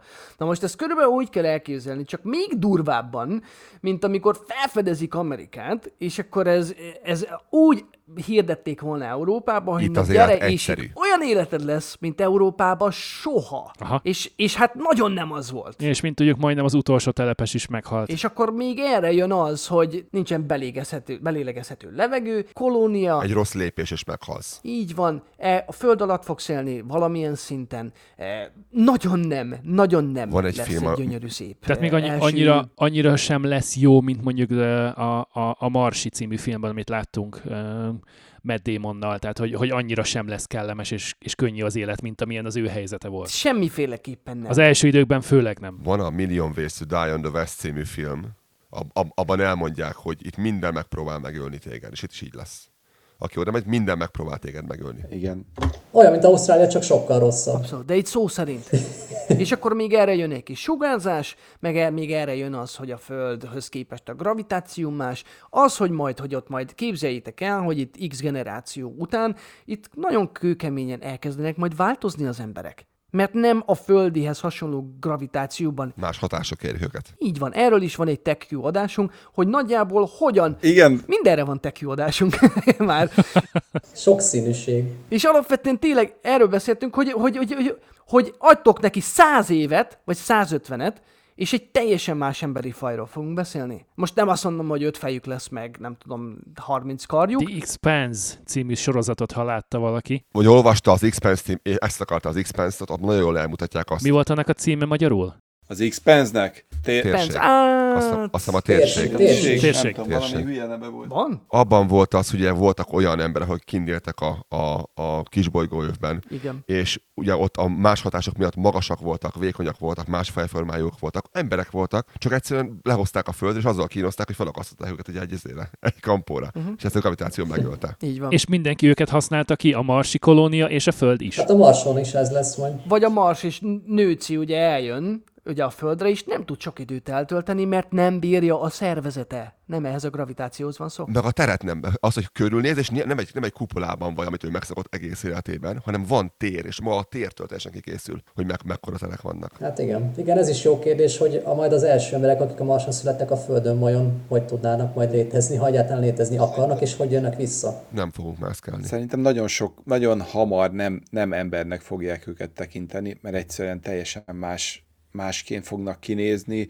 más, más dolgokba kell erősnek. Marslakók. Zöld lesz a bőrük. Nem is az, hogy marslakó, hanem valami biztos, hogy lesz más, mert csak ha azt nézed, hogy ott az fog meg, megmaradni, aki tud alkalmazkodni ahhoz a környezethez. És már ez egy mekkora szelekció. És nem csak fizikálisan, hanem mentálisan is, fejben. Mentálisan, pontosan. Igen. Az lesz a sokkal nehezebb talán. Vagy itt hagyod a szülőbolygódat, amihez az emberi, emberi faj alkalmazkodott. Tehát egy teljesen más kult, nem, nem kultúrát, Közeg. teljesen más környezetbe kell menni. Teljesen új világ. És sose ártott senki. Bár akik ott fognak születni, nekik az a természetes, tehát nekik az lesz a, a normális. Meg hát ugye az, az sem mindegy, hogy mondjuk azért van egy mondjuk egy erős három hónap, hát nem három, kettő hónap, 18 havonta, tehát nem is az van, hogy hát akkor ma nem megyünk, akkor majd megyünk holnap. Amikor érdemes menni. Vannak úgynevezett intási ablakok, és ez is nagyon meg fogja nehezíteni majd akár a SpaceX, akár majd a későbbi kolonizációs tevékenységek dolgát, hogy azért oda a Marsra nem megyünk csak úgy minden nap. Rendelni egy újabb csavarkust az Amazonról nekem? Hát helye hozzá a Blue Origin. Igen. Ezt kinézem belőlük, hogy erre mennek A ki. Marsra, a Marsra is kiszállító. Lesz majd ilyen is. Igen, nekik ez a cél, hogy e- ellássák a, az univerzumot mindenféle termékkínálattal. Csak először erősenek jön az univerzumban. Ja. A föld körül, a föld körül, ha már föld körül eljutnak, szerintem már azzal kezdetnek így, szerintem sokan. Igen, kicsit belőle is, belőlem is az irónia szól, de mindegy, hagyjuk. Szegény Origin. Na, majd, majd akkor ez a következő, következő adásnak a témája lehet, hogy mennyi értelme van mondjuk esetleg még egy űrállomást üzemeltetni valahol a Hold és a Mars között. Van. Akár, akár. Egy, egy, ilyen, egy, ilyen, izé, egy ilyen útszéli benzinkutat. Van, ha gondolod, tudod, mond, tudok mondani ahhoz is TechU számot, de, de volt, volt ilyen adásunk. Okay. Nekem ezek a, az űrliftek tetszettek a legjobban ebben a, a logikában, amit biztos a hallgatóság nagy részének ez semmit nem mond. Bocsánat, nem is az űrlift, hanem ezek a ilyen paritja jellegű dolgok. Tehát oly- olyan űrállomást képzeljetek el, amin, amin mondjuk van egy forgó elem. Kicsit, mint a, az ilyen Asimov jellegű szifiknek az ilyen forgó részei, de itt mondjuk két, egy ellensúly, meg egy, egy, egy karom rész lenne, ami forog. És a karom meg tudja fogni mondjuk az űr, űrhajót, fel tudja emelni, ezek több kilométer hosszú forgó dolgokat képzeljetek el, és föl tudja emelni mondjuk magasabb pályára, ha kell még akár nem csak a seb- tehát sebességén is tud változtatni, és el tudja lökni, mint egy paritja egy megadott irányba, a másik oldalon meg le tudja szedni egy ugyanilyen. És, és ilyen, ilyen forgó űrállomásokkal szinte oda-vissza lehetne passzolgatni űrhajókat bizonyos távolságokon, és emiatt is Különösebb energiavezetés nélkül. igen, tehát hogy relatíve energiaveszté, persze egy idő után vissza kell táplálni valahova, de akkor is azt a fajta dolgot, ami, ami jelenleg van, hogy, hogy bődületesen sok energiát használunk el ahhoz, hogy a, az űrbe eljussunk,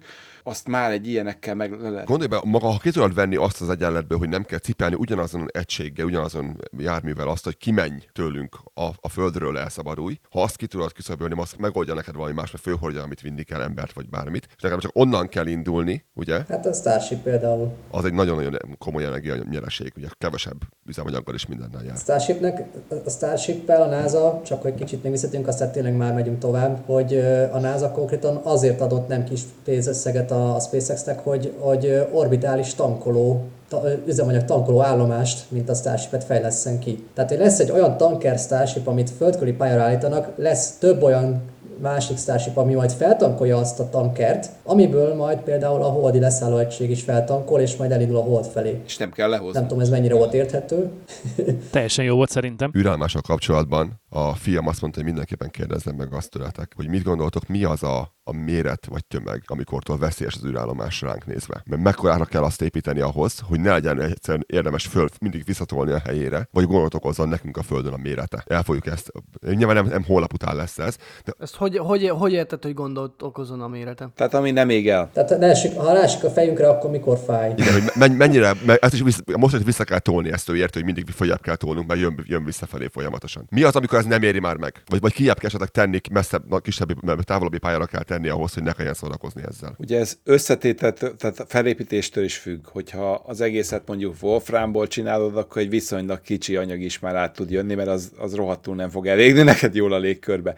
Ha azt nézzük, hogy a mír is becsapódott, tehát az is már egy elég nagy volt ahhoz, hogy elérje a Földet, úgy, úgy csinálták a, a visszaérkezését, hogy, hogy ne, ne lakott területre menjen. Oda ahova kell. Tehát, hogy ha az ISS nekiállna lefele most valamiért jönni, valahova lejönne. Tehát, hogy lenne belőle olyan, ami eléri a talajt, nem csinálna már cunamit, nem csinálna, mit nem írtanak ki nagyvárosokat, de nem lennék alatta. Miért, miért éppen Alaszka? Ezek már azért olyan méretűek a jelenlegi űrállomások is, hogy ezek, ezeknek van vissza, tehát vissza, visszaérnek a földig. De ez nem veszélyes, tehát eh, van külön az indiai óceánon egy olyan terület, amit kifejezetten azért jelöltek ki, úgymond. Oda lehet dobálni. Abszolút, oda dobálnak is. Az a szemetes. Így van. Tehát úgy van kiszámolva a visszatérés, ezt ugye ki tudják szépen mindenféle számítással számolni, hogy mekkora a felülete, mennyi, mennyi lesz a lassulása, mennyi minden ég el nagy valószínűséggel, és az nagyjából oda zuhanjon. Tehát ez nem az, hogy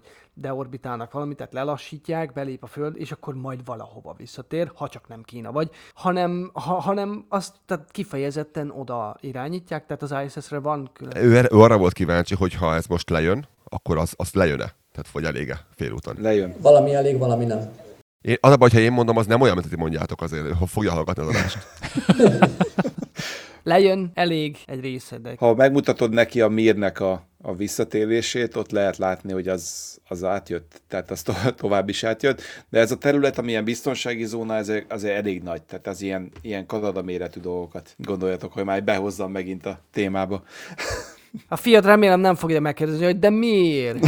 Szerint, szerinted nem fogja? Akkor azért lesz egy külön adás. Ez az egész egyébként úgy jött, hogy volt ez a nagyon rossz Valerian című film, ami az eleje így kezdődik, hogy építik az ürállomást a végtelenségig, ugye, és hogy akkora tömeget már elő, hogy el kell tolják úgymond a földtől, mert, mert ugye akkora már, hogy nem éri meg ott tartani azon az orbitális pályán, ahol van. És ez gondolom, én nem mondta ő, csak gondolom, hogy innen jött az egész valójában a kérdés. De szépen összerakta. Ki, fiatal még, de nem hülye. Ennek örülök azért. hogy visszatereljem a beszélgetés menetét az adás vázlatban írtakhoz, beszéljünk egy picit a környezetvédelemről és az űrkutatás kapcsolatáról. Én a mai reggelen tudtam meg, hogy ha igaz ez a hír, hogy Ferihegyi repülőtérnél 1976 óta nem volt környezetvédelmi hatástanulmány mérés. Nem véletlenül. Annak ellenére, hogy mekkora mértékben bővült azóta a repülőtér, és hogy hogyan miként változott meg a repülőtérnek a forgalma. Na most a kérdésem az, hogy 1950 óta mondjuk ki és mikor, hol, mennyire törődött avval, hogy hogy maga az űrkutatás, a rakéták, az űrhajók, és minden egyéb kapcsolódó dolog az, az mennyire környezetbarát vagy sem. Ha jól értettem itt az előbb Dávid szavét, akkor lehet, hogy a SpaceX volt az első, aki rájött arra, hogy hát sokkal olcsóbb is lenne, meg környezetvédelmi oldalról is sokkal jobb volna, ha újra hasznosítanánk azokat az eszközöket, amelyeket az űrbe indítunk, és nem dobálnánk az óceánba, vagy égetnénk el őket visszatérés közben. Hogy aztán újat kelljen építeni helyette. Igen, tehát környezetvédelemben védelem alatt azt is értjük, hogy az előállítás költsége és az anyag felhasználás. De minden, minden ától zéig. Ez egy nagyon fontos gondolat, ugyanis a rakétáknál, de még csak nem is a rakétáknál, azt mondom, hogy szinte bármelyik dolognál, ami körülvesz titeket, a gyártási költség az sokszor nagyobb környezeti hatással jár, mint maga annak a, a dolognak utána a, a hulladék mi volt, vagy a szennyezése.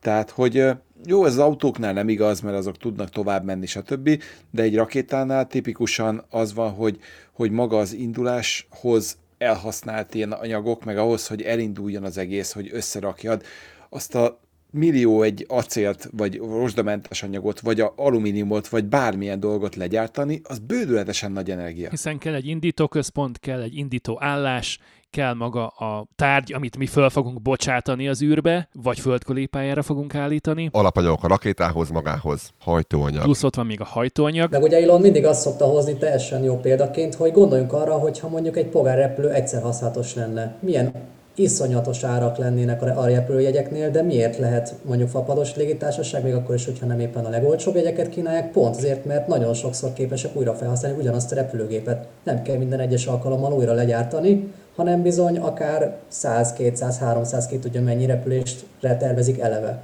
És a Falcon 9 is ezért, lesz, ezért lett egy ennyire jó konstrukció, és a Starship ezért lesz egy még jobb konstrukció, mert egész egyszerűen csak minimális karbantartással le, lehetséges majd akár még egy, meg még egy, meg még egy indítás, akár pár héten belül, vagy pár napon belül. Ki tudom írni egyébként a témát rögtön egy válaszsal is, de inkább húzom az, az időt így. Rövidre zárhatod, mert vannak még hallgatói kérdéseink. Mondok egy ilyen, egy ilyen gyorsabb, ha össze akarnánk vetni maga a Starship-et mondjuk a jelenlegi csak a légi közlekedéssel, tehát elhagyjuk most a, az összes dízel autót, az összes benzines autót, az összes kamiont, a, a dízel, bizmot, izé, mozdonyokat, meg mindenféle ilyen dolgokat, amik közlekednek, ezek a szörnyetegek, meg az erőműveket, akkor ahhoz, hogy egyáltalán összemérhető legyen a, mondjuk a Starshipnek a szennyezése ezekkel, ahhoz az kellene, hogy naponta legalább 900 Starship induljon. Wow! Ez egy jó hasonlat. És ez azért nagy szó, mert ha, egy, ha, ha, ha csak egy átlagos űrhajót veszünk, akkor ez a szám nem 900, hanem 10.000 naponta. Szóval ez, ez ennyire ennyire sokat szennyezünk csak a, a légi közlekedéssel. Tehát, hogyha egy évre való kereskedelmi repülést a kontinenseken, illetve hát a belföldi repülőjáratokat figyelembe véve hasonlítjuk össze az összes elindított rakétával, űrhajóval, stb. mindennel, amit a NASA, a SpaceX, a kínaiak, az oroszok, mindenki fellövöldöz, indiaiak included, akkor az azt jelenti, hogy nekünk 328.500 darab rakétaindítást kellene végrehajtanunk évente. Kb. Igen, nagyságrendileg. Most ettől baromi messze vagyunk a 100 néhány darabbal, ugye? Tehát, hogy nincs még meg 200 évente. Globálisan. Igen, ez az egyik rész, nagyon messze vagyunk tőle, tehát technológ, vagy technikailag maga ez a része a, a szennyezésnek szinte egy elhanyagoló, tehát egy kerekítési érték. Aha. Jó, még, még hogy kontextusba helyezzem, ha a, a teljes széndiokszid kibocsátásnak mondjuk a 3%-át teszi ki a, a légiközlekedés, ehhez képest az acélgyártás az 8%. Tehát, hogy megint egy, egy, amit mondtam, hogy az előállítás sokszor szennyezőbb, mint maga a felhasználás, az itt is előjön, hogy, hogy maga a gyártásnál mennyi van. És akkor jön a másik oldal, mert ezt is rögtön fel fogják vetni a hallgatók, hogy az egyik szennyezés az a tipikusan a troposzférában, tehát a legalsó légrétegbe történik, míg a másik az átmegy végig. Tehát technológiai végig, végig megy az egész légkörön, és máshol szennyez, mint az összes többi dolog. Tehát nagyon kevés az a repülő, ami, ami a stratoszférába be tud repülni, tipikusan inkább a határán próbálnak le, repülni, mert ott, ott még hatékony, tehát oda még bele tudnak szennyezni, de följebb már nem tudnak ők se szennyezni. Tehát nem tud a, a stratoszférán felülre ö, szennyezni, míg az űrhajó igen. És teljesen más dolog válik szennyezővé a magasabb légkörökbe, mint lentebb. Tudom, erről is van egy külön adásunk, de a lényeg az, hogy nem csak a széndiokszidot kell figyelnünk, hanem a, a, a kibocsátás során a korom kibocsátást, a vizet. A víz, amire mindenki azt mondja, hogy jaj, hát az egy, az, azzal mi lehet? Tök másként viselkedik ez az anyag itt lent, amikor még visszahullik rád, és felhő lesz belőle, mint jóval magasabb rétegekben, ahol életben nem akar lejönni onnan, mert nem tud. Mondja, Dávid. Csak még az jutott eszembe, hogy azért a rakéták között is van egy olyan különbség, hogy milyen üzemanyagot használ, és mondjuk az égéstermék sem mindegy. Igen, ezért van a következő kérdésem, hogy a hajtóanyag az hajtóanyag-e, vagy lehet ö, többféléről beszélni? Szerteágazó, igen. A lényeg, hogy a legtöbb az, ahogy van ez a rakétakerozin, ezt így szoktuk hétköznapi nyelven mondani, ez egy, ez egy végül is egy kerozin fajta, ugye a polgári repülőgépekhez használatos sima kerozinhoz képest egy ilyen finomított változat, amit a rakéta hajtóműveknek legnagyobb része, vagy legnagyobb többsége használ. De például vannak olyan uh, úgynevezett hidrolox, tehát hidrogénnel és oxigénnel, persze cseppfolyósított mélyhűtött állapotban. Ezt akartam mondani, hogy Lázaro, így hívnak a hidrogén. Itt van értelme. Na, témánál vagyunk, helyes. tehát például ott az az égés termék az konkrétan víz. Tehát ott, ott, ha úgy veszük, nincs koromképződés, mert nem szénhidrogének képezik az üzemanyagot, ugye jól mondom Norbi? Igen. És, és a lényeg, hogy, hogy azt is figyelembe kell venni, hogy milyen típusú az üzemanyag az adott rakétának. Igaz, hogy a legtöbb esetben, ahogy említettem, rakétakerozin, tehát ugye ez a szénhidrogén, és ott azért van Az RP1 az egyébként RP1, ez igen, a Rocket Propellant, ugye ang- angolul. De a lényeg, hogy ha nem is mindegyik Rakéta hajtóanyag. Hát vagy igen, rakéta hajtóanyag. A lényeg, hogy még a viszonylag kevés számú rakétanyitás, ami évente történik, még annak is van egy része, ami lényegében nem képez semmilyen káros anyag kibocsátást, mert egyszerűen nem olyan. Mondjuk én átlagos, átlagot ve- veszek mondjuk 100 indításból, szerintem egy ilyen tizenvalahány évente, de lehet, hogy akkor sokat mondtam. A lényeg, hogy ilyen 10% körüli az a, az a mennyiség, amikor ilyen hidrogénüzemű vagy, vagy nem RP1, tehát nem kerozinüzemű rakétákat indítgatnak el. Mitől függ az üzemanyag? Attól, hogy melyik cégről beszélünk, vagy attól, hogy mit küldenek fel az űrbe? Tehát mást használ mondjuk a NASA, mást használ a Spa- SpaceX, a Blue Origin, az Európai űrügynökség, amikor az Ariane rakétákat küldi föl. Ugye csak preferencia kérdése. technológia éppen, hogy mit használnak. Oroszok nagyon szeretik mondjuk a hidrazint, ami egy tök jó dolog, csak hogyha 4 grammár átkerül, akkor biztos, hogy belehalsz. Tehát azért 4 grammot, ha gondoljátok, kimérhettek otthon. A legkisebb kávéskanál is nehezebb. Tehát, hogy ez egy, ez egy tök jó, nagyon sokáig eltárolható anyag, marha egyszerű a, a vegyere, ez a N2H4, minden szempontból jó, csak, csak egy rohadt veszélyes dolog, és nem egyszer van olyan, hogy visszahullik, vagy nem ég el tökéletesen. Tehát az, az égésnél mindig mindenki abból gondolkodik, hogy az egy milyen jó dolog, meggyújtok egy valamit, és akkor az elég teljesen. Tökéletes égés, igen. Igen, tehát hogy minden tökéletes lesz. De ha belegondolsz, egy motorban mit csinálunk, egy benzinmotorban mit csinálunk ahhoz, hogy az jól égjen, hogy hogyan porlasztjuk, mekkora nyomáson, hogy szét akarjuk szórni, hogy ne legyenek benne egy... És még ott sem még jól. És akkor sem, ezt, és akkor sem jó. És akkor sem lesz tökéletes, mert, mert mennyi ideje van egy benzinmotorban, mit én 9000-es fordulaton elégni. Tehát ilyen töredék másodpercek. És ugyanez történik meg úgy, hogy több köbméternyi anyagot tolunk be egy égéstérbe, baromi nagy nyomáson beporlasztjuk, és ott is van ugyanilyen Nagyon pici lukon megpróbálják kiküldeni. igen, és kiküldjük, és utána azt reméljük, hogy miután elhagyta az égésteret, akkor még lesz akkor a hőmérséklete, hogy majd elég, és majd tökéletesen minden. Befejezi. Igen, jó lesz az. Igen. Na ez, ilyen nincs. Gyakorlatilag nincs, és minél inkább távolodunk mondjuk a, a gázok égetésétől, minél inkább folyadékokat, vagy még rosszabb esetben szilárd anyagot égetünk, annál rosszabb ez. Erről akartalak még kérdezni benneteket majd. Fejezd be nyugodtan, csak hogy erre majd térjünk ki, hogy mit jelent a gáz, mit jelent a folyékony, és mit jelent a szilárd. Pár mondatban majd. Köszönöm. A szilárd hajtóanyagú ö, rakéták azok egy, egy a leg, szerintem aki mindent ki, mindent ki látott már olyat, a Space Shuttle-nek a két oldalán, ami voltak, ezek a jó kis hát nulladik fokozatnak is hívják, attól függ, hogy most éppen ki hogyan nevezi el, tehát ez, ez egy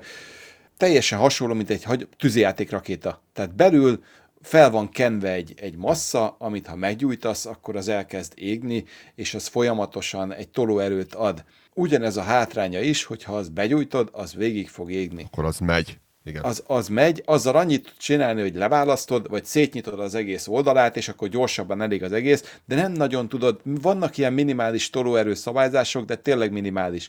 Tehát nem, nem tudod, ha azt bekapcsoltad, az végig fog égni, azt nem fogod tudni lekapcsolni utána, ja, mégse kell. Ha jól tudom, ebben volt a baj a Challengernél, ugye? Az egyik tömítőgyűrű megsérült, és mivel ezt egyszerűen begyújtottad, ember nincs, aki felbocsátás közben, a start közben ezt el tudná oltani. Történt, ami történt. Ott a Challengernél azért, azért ö, ö, jó, hát ha hamarabb tudták volna, hogy, hogy, hogy éppen odafúj ki, és éppen ez történik, és lett volna megfelelő ö, szenzorot, és automatika, és minden, tehát technikailag el lett Jó, de végül csak sikerült a, az időjárást hibáztatni, hogy nagyon hideg volt. Ha, ha 30 évvel később történik az egész. Igen, tehát hogy ott, ott nagyon hideg volt, ezek, a, ezek az óriási szilárd hajtóanyag rakéták több elemből vannak, minden egyes illesztésnél tömítések vannak, és az egyik ilyen illesztésnél az emelkedés közben remegés jött létre, és hol kifújt, hol nem fújt. Na most tudod, hogy egy, egy gumitömítésnél, mert itt a, a gumi az egy nagyon jó tömítő anyag, mert fölveszi a formát,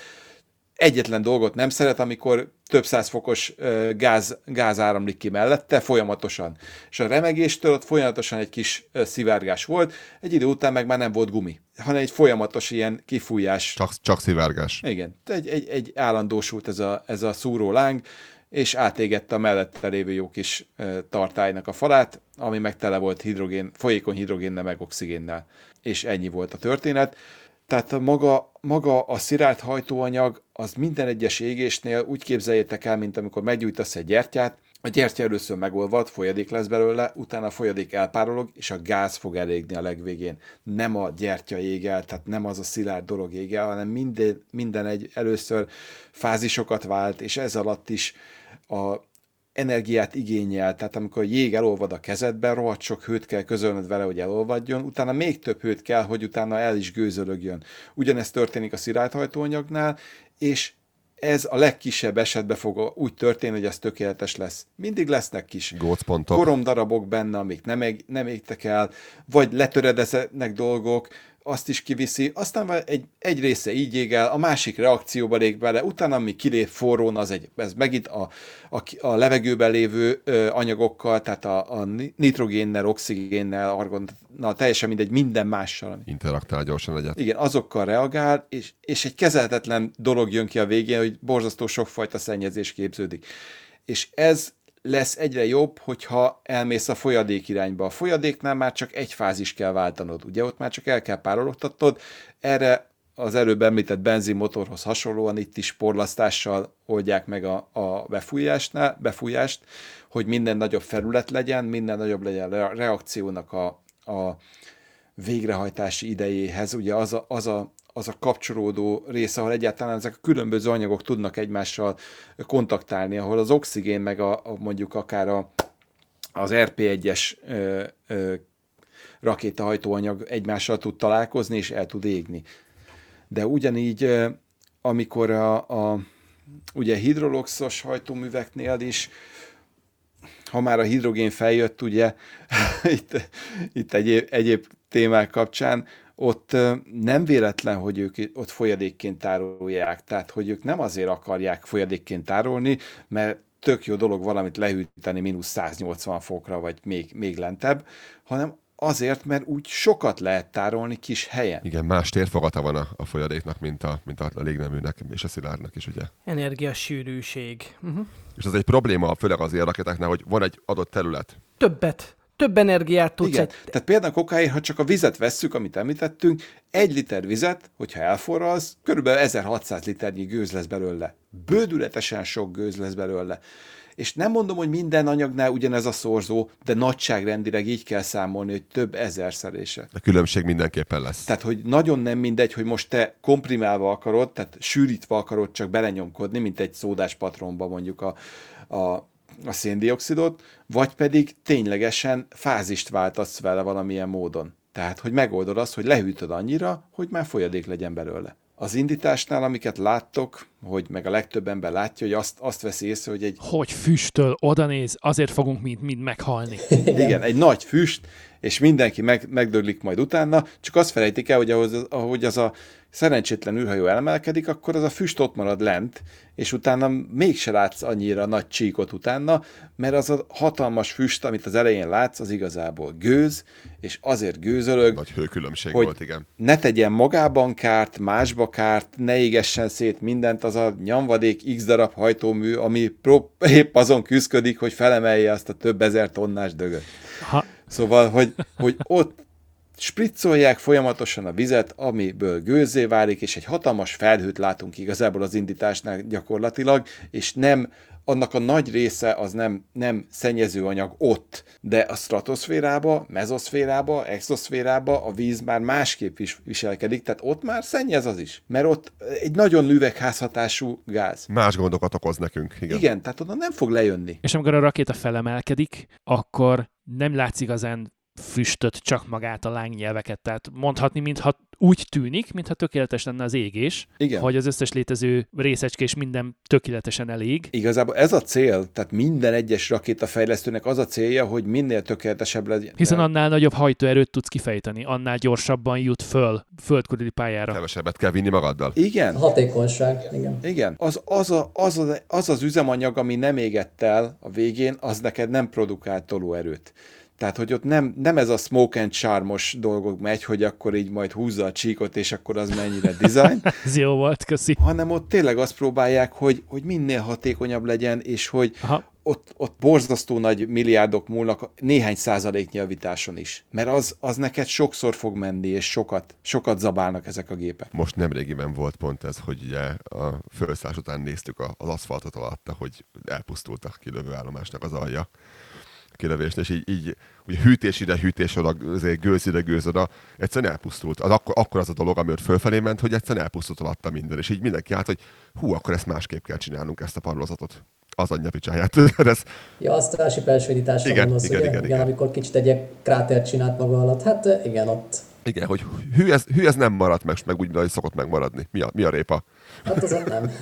Szerintem ott egyébként nem, nem fogadtak volna nagyba abba, arra, hogy az megmarad. Tehát én nem gondolom azt, hogy, hogy ott, ott mondjuk mindenki Aha. biztos volt benne, hogy ja, ennek semmi baja nem lesz. Ott úgy voltak vele, hogy Hát... Nem, az egy teszt volt megint, hogy na mi fog itt történni, Mind, mindennel teszt volt valójában. Csak ne robbanjon föl. igen, valamennyire megerősített, megerősítettük, megnéztük, mit lehetett ebből kihozni, nézzük meg, hogy akkor... Bírja ki, amíg elemelkedik. Igen, hogy mennyi, mennyit bír. Igen, Az volt a lényeg, hogy ne robbanjon fel az indítóálláson, valahogy emelkedjen el és kapjanak repülési adatot. Az, hogy alatta mi van, az, hát, az, már, egy- az már egy másik történet, de azért is, Semmi nincs alatt. azért is nem indulhatott még a másik. De akkor nekem most rá kell, rá kell kérdeznem, hogy miből épül egy indítóállás. Tehát mi az az anyag, amit be tudnak építeni oda, hogy azt a több, nem tudom hány ezer Celsius fokot, nem tudom hány hosszú-hosszú másodpercen keresztül el tudja viselni, és ne tegyen kárt a, a, a, a- a felszakadó darabok, az aszfalt darabok, vagy beton darabok, nem tudom miből épül, mindjárt elmondod majd, hogy ne tegyenek kárt a hajtóműben. Én nem hiszem, hogy maga, tehát hogy attól függ, hogy miből épül, hanem inkább az, hogy az indítás során mi történik. Mert, eh, mert alapvetően mindegyik be- betonozva van, és mindenhol van valamiféle lángelvezető, Aha. de ami miatt nem pusztul el, az leginkább a víz. Az ugye az a fajta energia elnyelő rendszer. Persze ez nem azt jelenti, hogy akkor, akkor bármiből épülhet. Természetesen normálisan meg kell építeni egy, egy, egy ilyen indítóállást. Tudom, mindjárt Norbi megmondja, hogy nem, de alapvetően, de alapvetően, ha megnézitek a klasszikus indítóállásokat, ugye a, a nagy rakéta indító állásokat, ott mindenhol van egy lángelvezető rendszer, és ugye az, az, az a nagy térfogat változás, Elosztja. amikor, amikor így van, amikor az- a, az a láng eh, kontaktba lép a, a vízzel, akkor ott egy hatalmas térfogatváltozás, egy, egy, egy tágulás történik meg, és azt kell elvezetni onnan. És ugye itt ment félre a, a SpaceX, ami nem ment, hát félre ment, de nem ment félre, mert nem hülyék ülnek ott, és nem, tehát nem, az van, hogy úr, erre nem is gondoltunk, hanem egyszerűen náluk inkább az figyeltek. volt a, az, az oka, hogy most akkor ezt így beáldozták, Hát az idő. mert kell nekik az adat.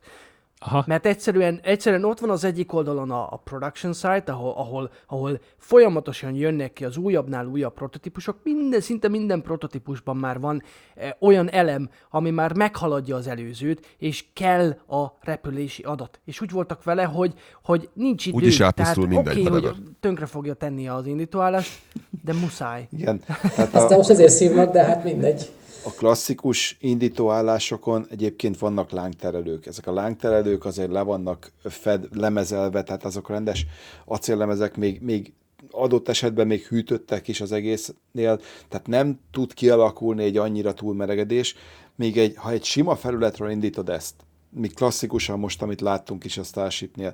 Ugye volt egy valamilyen felület, volt rajta hővédelemtől kezdve minden, teljesen mindegy. Mi lesz az áramlás alatta? Ugye, hogy az tök jó, hogy lefelé nyomnak a hajtóművek. Nem tud megállni alatta a gáz, el kell menni oldalra. És kialakul egy olyan kis kúp középen, ahol nem mozog nagyon a gáz. És egyre melegebb és melegebb lesz, és ott alatta tök mindegy, hogy mit raksz. Az, a, az, Annak vége van. az, az, ha ott nem tud hűlni, akkor ott el fog nagyon hamar. És ott elég, ha csak egy bereped, abba már beleakad Alá a megy, legelső igen. kis lökés hullám, kiemeli, reped végig, ugyanúgy, mint amikor elviszed a kocsiról leszedetni a festéket a, a dió darabokkal így, így nekiállnak ö, por, ö, homok fújni, amit nem homokkal fújnak, mert az nagyon durva, hanem ilyen apróra tört dió héjjal, és, és azzal is le tudja kapni róla a festéket. Na most, amikor ezt, ezt nekiáll egy nagyobb darab kövek repkedni, ott aztán mindent el, elsöpör, tehát hogy ott, ott egymás után bontja, és beindul ez a láncreakció, és onnantól már vége van. Ugye rap, Raptor hajtóművek vannak beépítve ugye a, a Starship első és második fokozatába, és ez csak poénosan a, ez a nem szakma, hanem a, a közösség, ez csak Raptornádónak hívta, mert ugye ott, mert ott ugye tényleg minden ment, ott kőkövön nem maradt. Tehát itt lehet látni, hogy méteres betondarabok így repkednek így a, a starship együtt így fel, és utána meg le. Tehát, hogy így, de őrület. Ha belegondolsz, hogy az az dolog mekkora, Hát meg oldalra több száz méter sugárú körben. Érdemes visszanézni egyébként, majd figyeld meg, figyeljétek meg, elindul a Starship pár másodperc Szétbont után, mindent, és lehet igen. látni, hogy tényleg a, a kénköves menkő, Hát szó szerint. Tehát, ahogy, ahogy Norbi mondta, ott alá kapott a beton alá, az elkezdte ott fúrni magát, és ami fölötte volt, azt így pff, minden, minden irányba wow. szinte. Az igen. Igen. Hát szó szerint szétrobbantotta maga alatt a homokot, ugye, mert a, a beton alatt homokréteg van, és a, a homokot szó szerint fe, ki, kirobbantotta a beton alól, amit megvitte magával aztán az egészet. Tehát érdatlan pusztítás volt, de hát Ráadásul ugye ezt, még ezt küszöbölték most. a víz, ugye a talajvíz, Talajvíz is pláne, ugye gőz, gőzrobbanás, stb. stb. De hát most ugye ezt, ö, ezt hát egy kicsit egy ki- kisebb ősrobbanás sikerült ki eszközölniük. De a lényeg, hogy azért a föld forgása mindenképpen változott egy pár, pár, pár millisekundum. De a lényeg, hogy, hogy azért ez többször nem fog előfordulni, mert azért most már egy jóval... Tanultunk belőle. ö, Most már a következő nagyobbat fog szólni. Lesz. Hát igen, de Igen. remélhetőleg most már Igen. nem, lesznek, nem lesz akkor a Raptornádó, mint az elsőnél, mert azért azt sem a SpaceX, sem a hatóságok nem néznék jó szemmel, de hát most azért kicsit meg, meg, meg ez, ezt, a, ezt a keresztet kell cipelniük, hogy most azért nem indulhatott még a második Starship, mert azért a környezetvédő hangos szervezetek nem nem nézték annyira jó szemmel, amikor... Hát, na, Akkor, igen. akkor én spoilerezek kö- közben az egyik következő TechQ-ból, hogy itt abba gondoljatok bele, hogy azzal a megoldással, amit most kitaláltak, hogy alulról fújja őket, tehát nem ilyen bidé jelleggel, ezt már tudom, már pár embertől mondta, hogy úgy, mint a bidén. Hát valami szóval, olyasmi, hogy igen. alulról fújják Voltak be minden. a, a vizet, az, az nem csak Pár- egy pár hűtésre millimétert. lesz jó, hanem biztos láttatok már, vagy ha más nem, akkor a gyereknek mutattatok légpárnás járműveket önmagában a légpárnás jármű az azon a kis párnán úszik, amit maga alá fúj. Ha ezt fordítva csinálod meg, akkor megkapod ezt a, hú, milyen asztal, amik így, ez a air Légfoci, igen. légfoci. igen, lég, Vagy léghokis asztal, valami lég. és ugyanezt meg tudod csinálni nem csak levegővel, hanem vízzel is. Tehát ha be tudsz fújni oda egy réteget, azon szépen el tud csúszni ez a nagyon forró réteg, és miközben a vízzel még kapcsolatba kerül, a víz fog elpárologni, és nem engedi annyira túlmelegedni alatta a maga a felületet. id- időt nyerünk, amíg leér. Igen. És nem kell sok idő, néhány, 5-10 másodperc, aztán már sehol nincs. Tehát, hogy így, Igen, Csak távolodjon egy kicsit, igen, távolodjon egy kicsit. igen, tehát azt a kis időt kell kibírnia, az viszont nagyon kemény, tehát az, az egy más kérdés, nem lennék a közelébe, de azt ki kell bírnia, és utána már nem érdekes. Elkanyarodtunk szerintem kicsit a szennyezőstől egyébként, de mindegy. Na most már tudjátok, hogy miért ilyen hosszúak általában a Space Jam kiadások. Hát ilyen nálunk is elő szokott fordulni, hogy, hogy ez az irány, Két-három óra. Mi amikor, mi, amikor magunk veszünk föl, az egy óra 10 perc. Így, mindig. Ha vendégünk van, három óra. Mindig. Ez ilyen. Szóval még egy utolsó kérdés, hogy, hogy akkor, akkor hogy is állunk itt a SpaceX-el, ha már most őket vettük így, így terítékre, és a környezetvédelemmel, tehát az ő rakétáik mennyire környezetbarátak, nem környezetbarátak, lehet ezt egy ilyen skálán elmondani, hogy a nulla az a, az a borzalom, ami volt régen, tíz az, amikor meg már szuper környezetbarát, és, és minden megújuló, és mindent visszaforgatnak, és mindent többször felhasználnak. Ho, hova tennétek Mennyivel lettünk jobbak, ez a kérdés. igen, hogy, hogy ezen a téren mennyit változtunk mondjuk az elmúlt 20 év alatt. Mert ugye az 21 éves most a SpaceX. Szerintem a hajtóanyagot azt mindjárt Igen. vagy Norbi, vagy a srácok elmondják, de én azt gondolom, hogy egy, olyan, egy óriási mértfőkő már az, hogy nem kell minden egyes, minden egyes fokozatot újból legyártani. Tehát most van olyan Falcon 9 rakéta, aminek van olyan első fokozata, ami 17-ére repült. Most a héten. Múlt héten? Héten. Ahhoz képest, hogy még ők is annó 10 repülésre prognosztizálták. Tizet. Az igen. Most 17-et repültek. És megint csak ez, ez csak a Falcon. Na most akkor tényleg, hogy van ez az Order of Magnitude?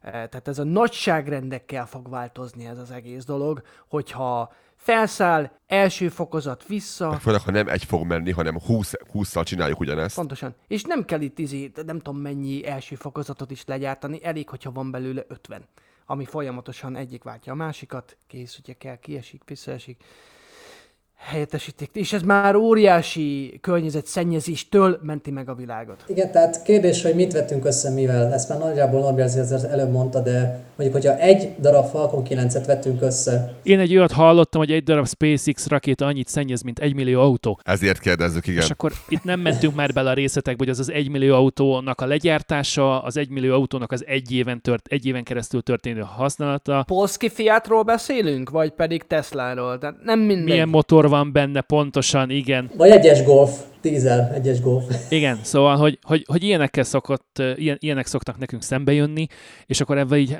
de hogy figyelj, hogy igazából a kérdésnek sincs értelme ebben a formában. És akkor erre kéne mondani valamit, mert, mert ő csak esztelenül fröcsög. Nem, egyszerűen értelmetlen összevetni. Jobbat, jobbat mondok, hogyha ugye mindig ezzel jönnek, hogy, hogy a szennyezés. Belegondolt már bárki abba, hogy mi emberek is mennyit szennyezünk? A maga a létünkkel van egy, egy nagyon-nagyon rossz hatásfokon működő szervezetünk, egyébként néhány százalékos hatásfokon működik az egész, mert kis hőfokon használod el mindent, de ez van, ezzel jár az élet. Itt most nekünk, tehát most hiába nézed azt, hogy ha most egy emberrel kevesebb lenne, akkor emberenként minimum 200 kilóval kevesebb az éves széndiokszid kibocsátás. Nem csinálod meg, mert nincs értelme. Nem, hát ez ezzel jár, ezt el kell fogadni. Azzal dolgozunk, ami van. Igen, másik oldalról tudunk más módon felvinni valamit? Nem. Tehát, hogy ebből azt kell megnézni, hogy fog szennyezni. Na erre szokták azt mondani, hogy, hogy tudod, hogy létezik a vízautó már 50 éve, csak hát ugye tudjuk kik, páncélteremben tartják a terveket és magát a járművet is, és, és ezért, ezért, ezért kell még mindig nekünk benzint meg gázolajat égetnünk. Pontosan ezért kell.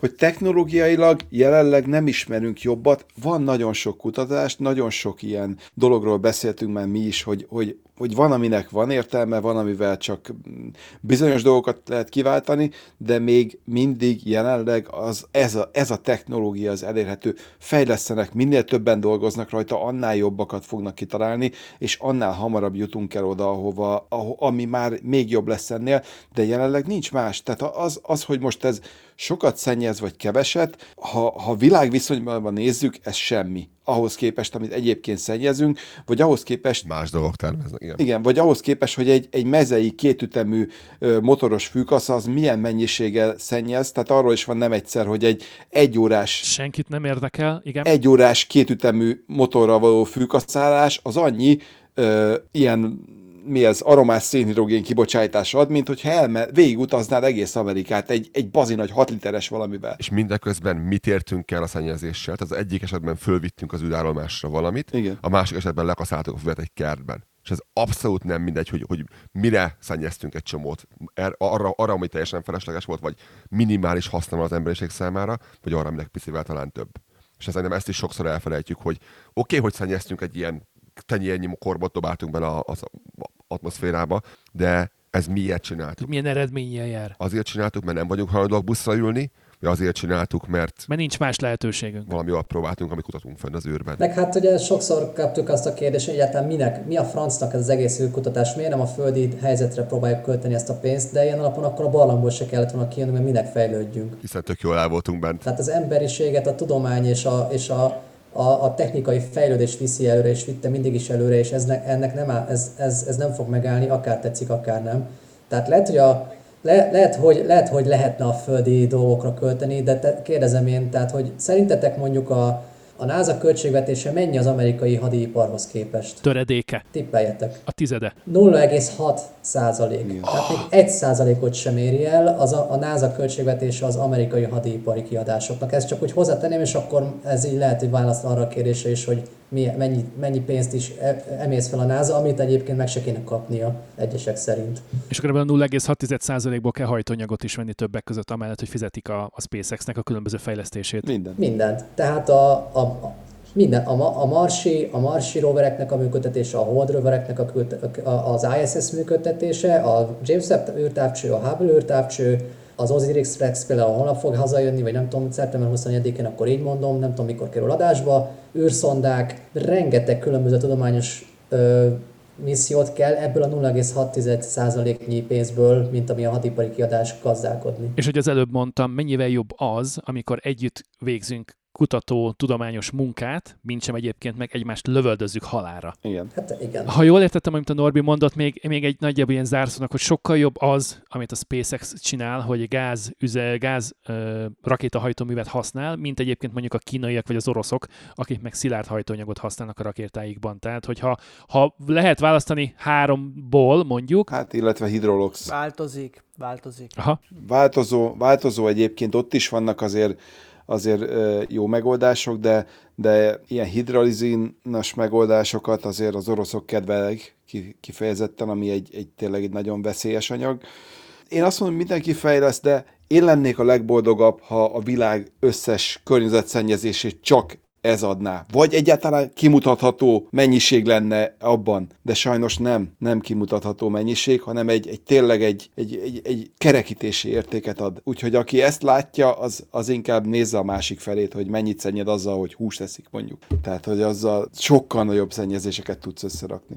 Úgyhogy ez, És hát, hogyha van mondjuk három, három olyan hajtóanyag, amiből választani lehet, abból mondjuk választák a legkisebb rosszat, mert hogy valamit választani kell, tehát nem lehet az, hogy megvárjuk, amíg, nem tudom, a szél felfújja a földkörüli pályára. igen. Meg hát a, a hajtóanyagok között is különbözőség van, tehát nem lehet összevetni. De a lényeg, hogy nagyon sokféleképpen lehet visel, vagy összevetni a hajtóanyagokat, nehéz kérdés. Tehát nincs olyan legjobb és nincs olyan a legrosszabb, mindegyik valamiben jó és valamiben rossz. Mindegyik szennyez valahogy. Hölgyek, urak, köszönjük szépen a mai figyelmeteket mindenkinek. Ez volt az első felvonása ennek az egésznek. Csinálunk még ilyet, ha tetszett. Srácoknak köszönjük, hogy eljöttek ma hozzánk. Nagyon sokat tanulhattunk ma, azt hiszem, ebből a mai adásból. És remélem nem volt nagyon rossz. Így picit, mint a fogatokat húzták volna időnként, vagy valami. nem. Nem fájt? Nem fájt. Működött, működött az érzéstelenítés. Köszönjük szépen a meghívást, mi nagyon jól, jól éreztük magunkat, szerintem ezt mindannyiunk nevében mondhatom, és reméljük, hogy folyt köv hamarosan. Mindenféleképpen, hiszen rengeteg kérdésünk van, még elnézést kérek a hallgatóktól ezúton, hogy nem került sorra egyetlen egy hallgatói kérdés sem. Szerintem emellett nagyon-nagyon sok kérdést megválaszoltunk, olyat is, amit esetleg bennetek föl sem merült. Lesz folytatása ennek, nem azt mondom, hogy az idén, de 2024-ben egészen biztosan, és akkor viszont uh, onnan folytatjuk, ahol itt abba hagytuk, és jönnek a további kérdések. Foglalkozunk majd bumeráng. téfitekkel, hoaxokkal, laposfölddel, a ti kérdéseitekkel is természetesen www.spacejunkie.hu, de megtaláljátok a srácokat Facebookon, Instagramon, eh, az X-en, Discordon és YouTube-on is természetesen. Bennünket pedig elértek az uh, studiokukackanadabanda.com e-mail címen, illetve az adásnaplók elolvashatók, és mindenféle link, videó és egyéb érdekes információ megtalálható a www.kanadabanda.com weboldalon. Köszönjük a mai figyelmeteket. Sziasztok! Ciao, ciao. Sziasztok! Sziasztok! Sziasztok! Nagyon szépen köszönjük mindenki megtisztelő figyelmét, találkozunk legközelebb. Sziasztok!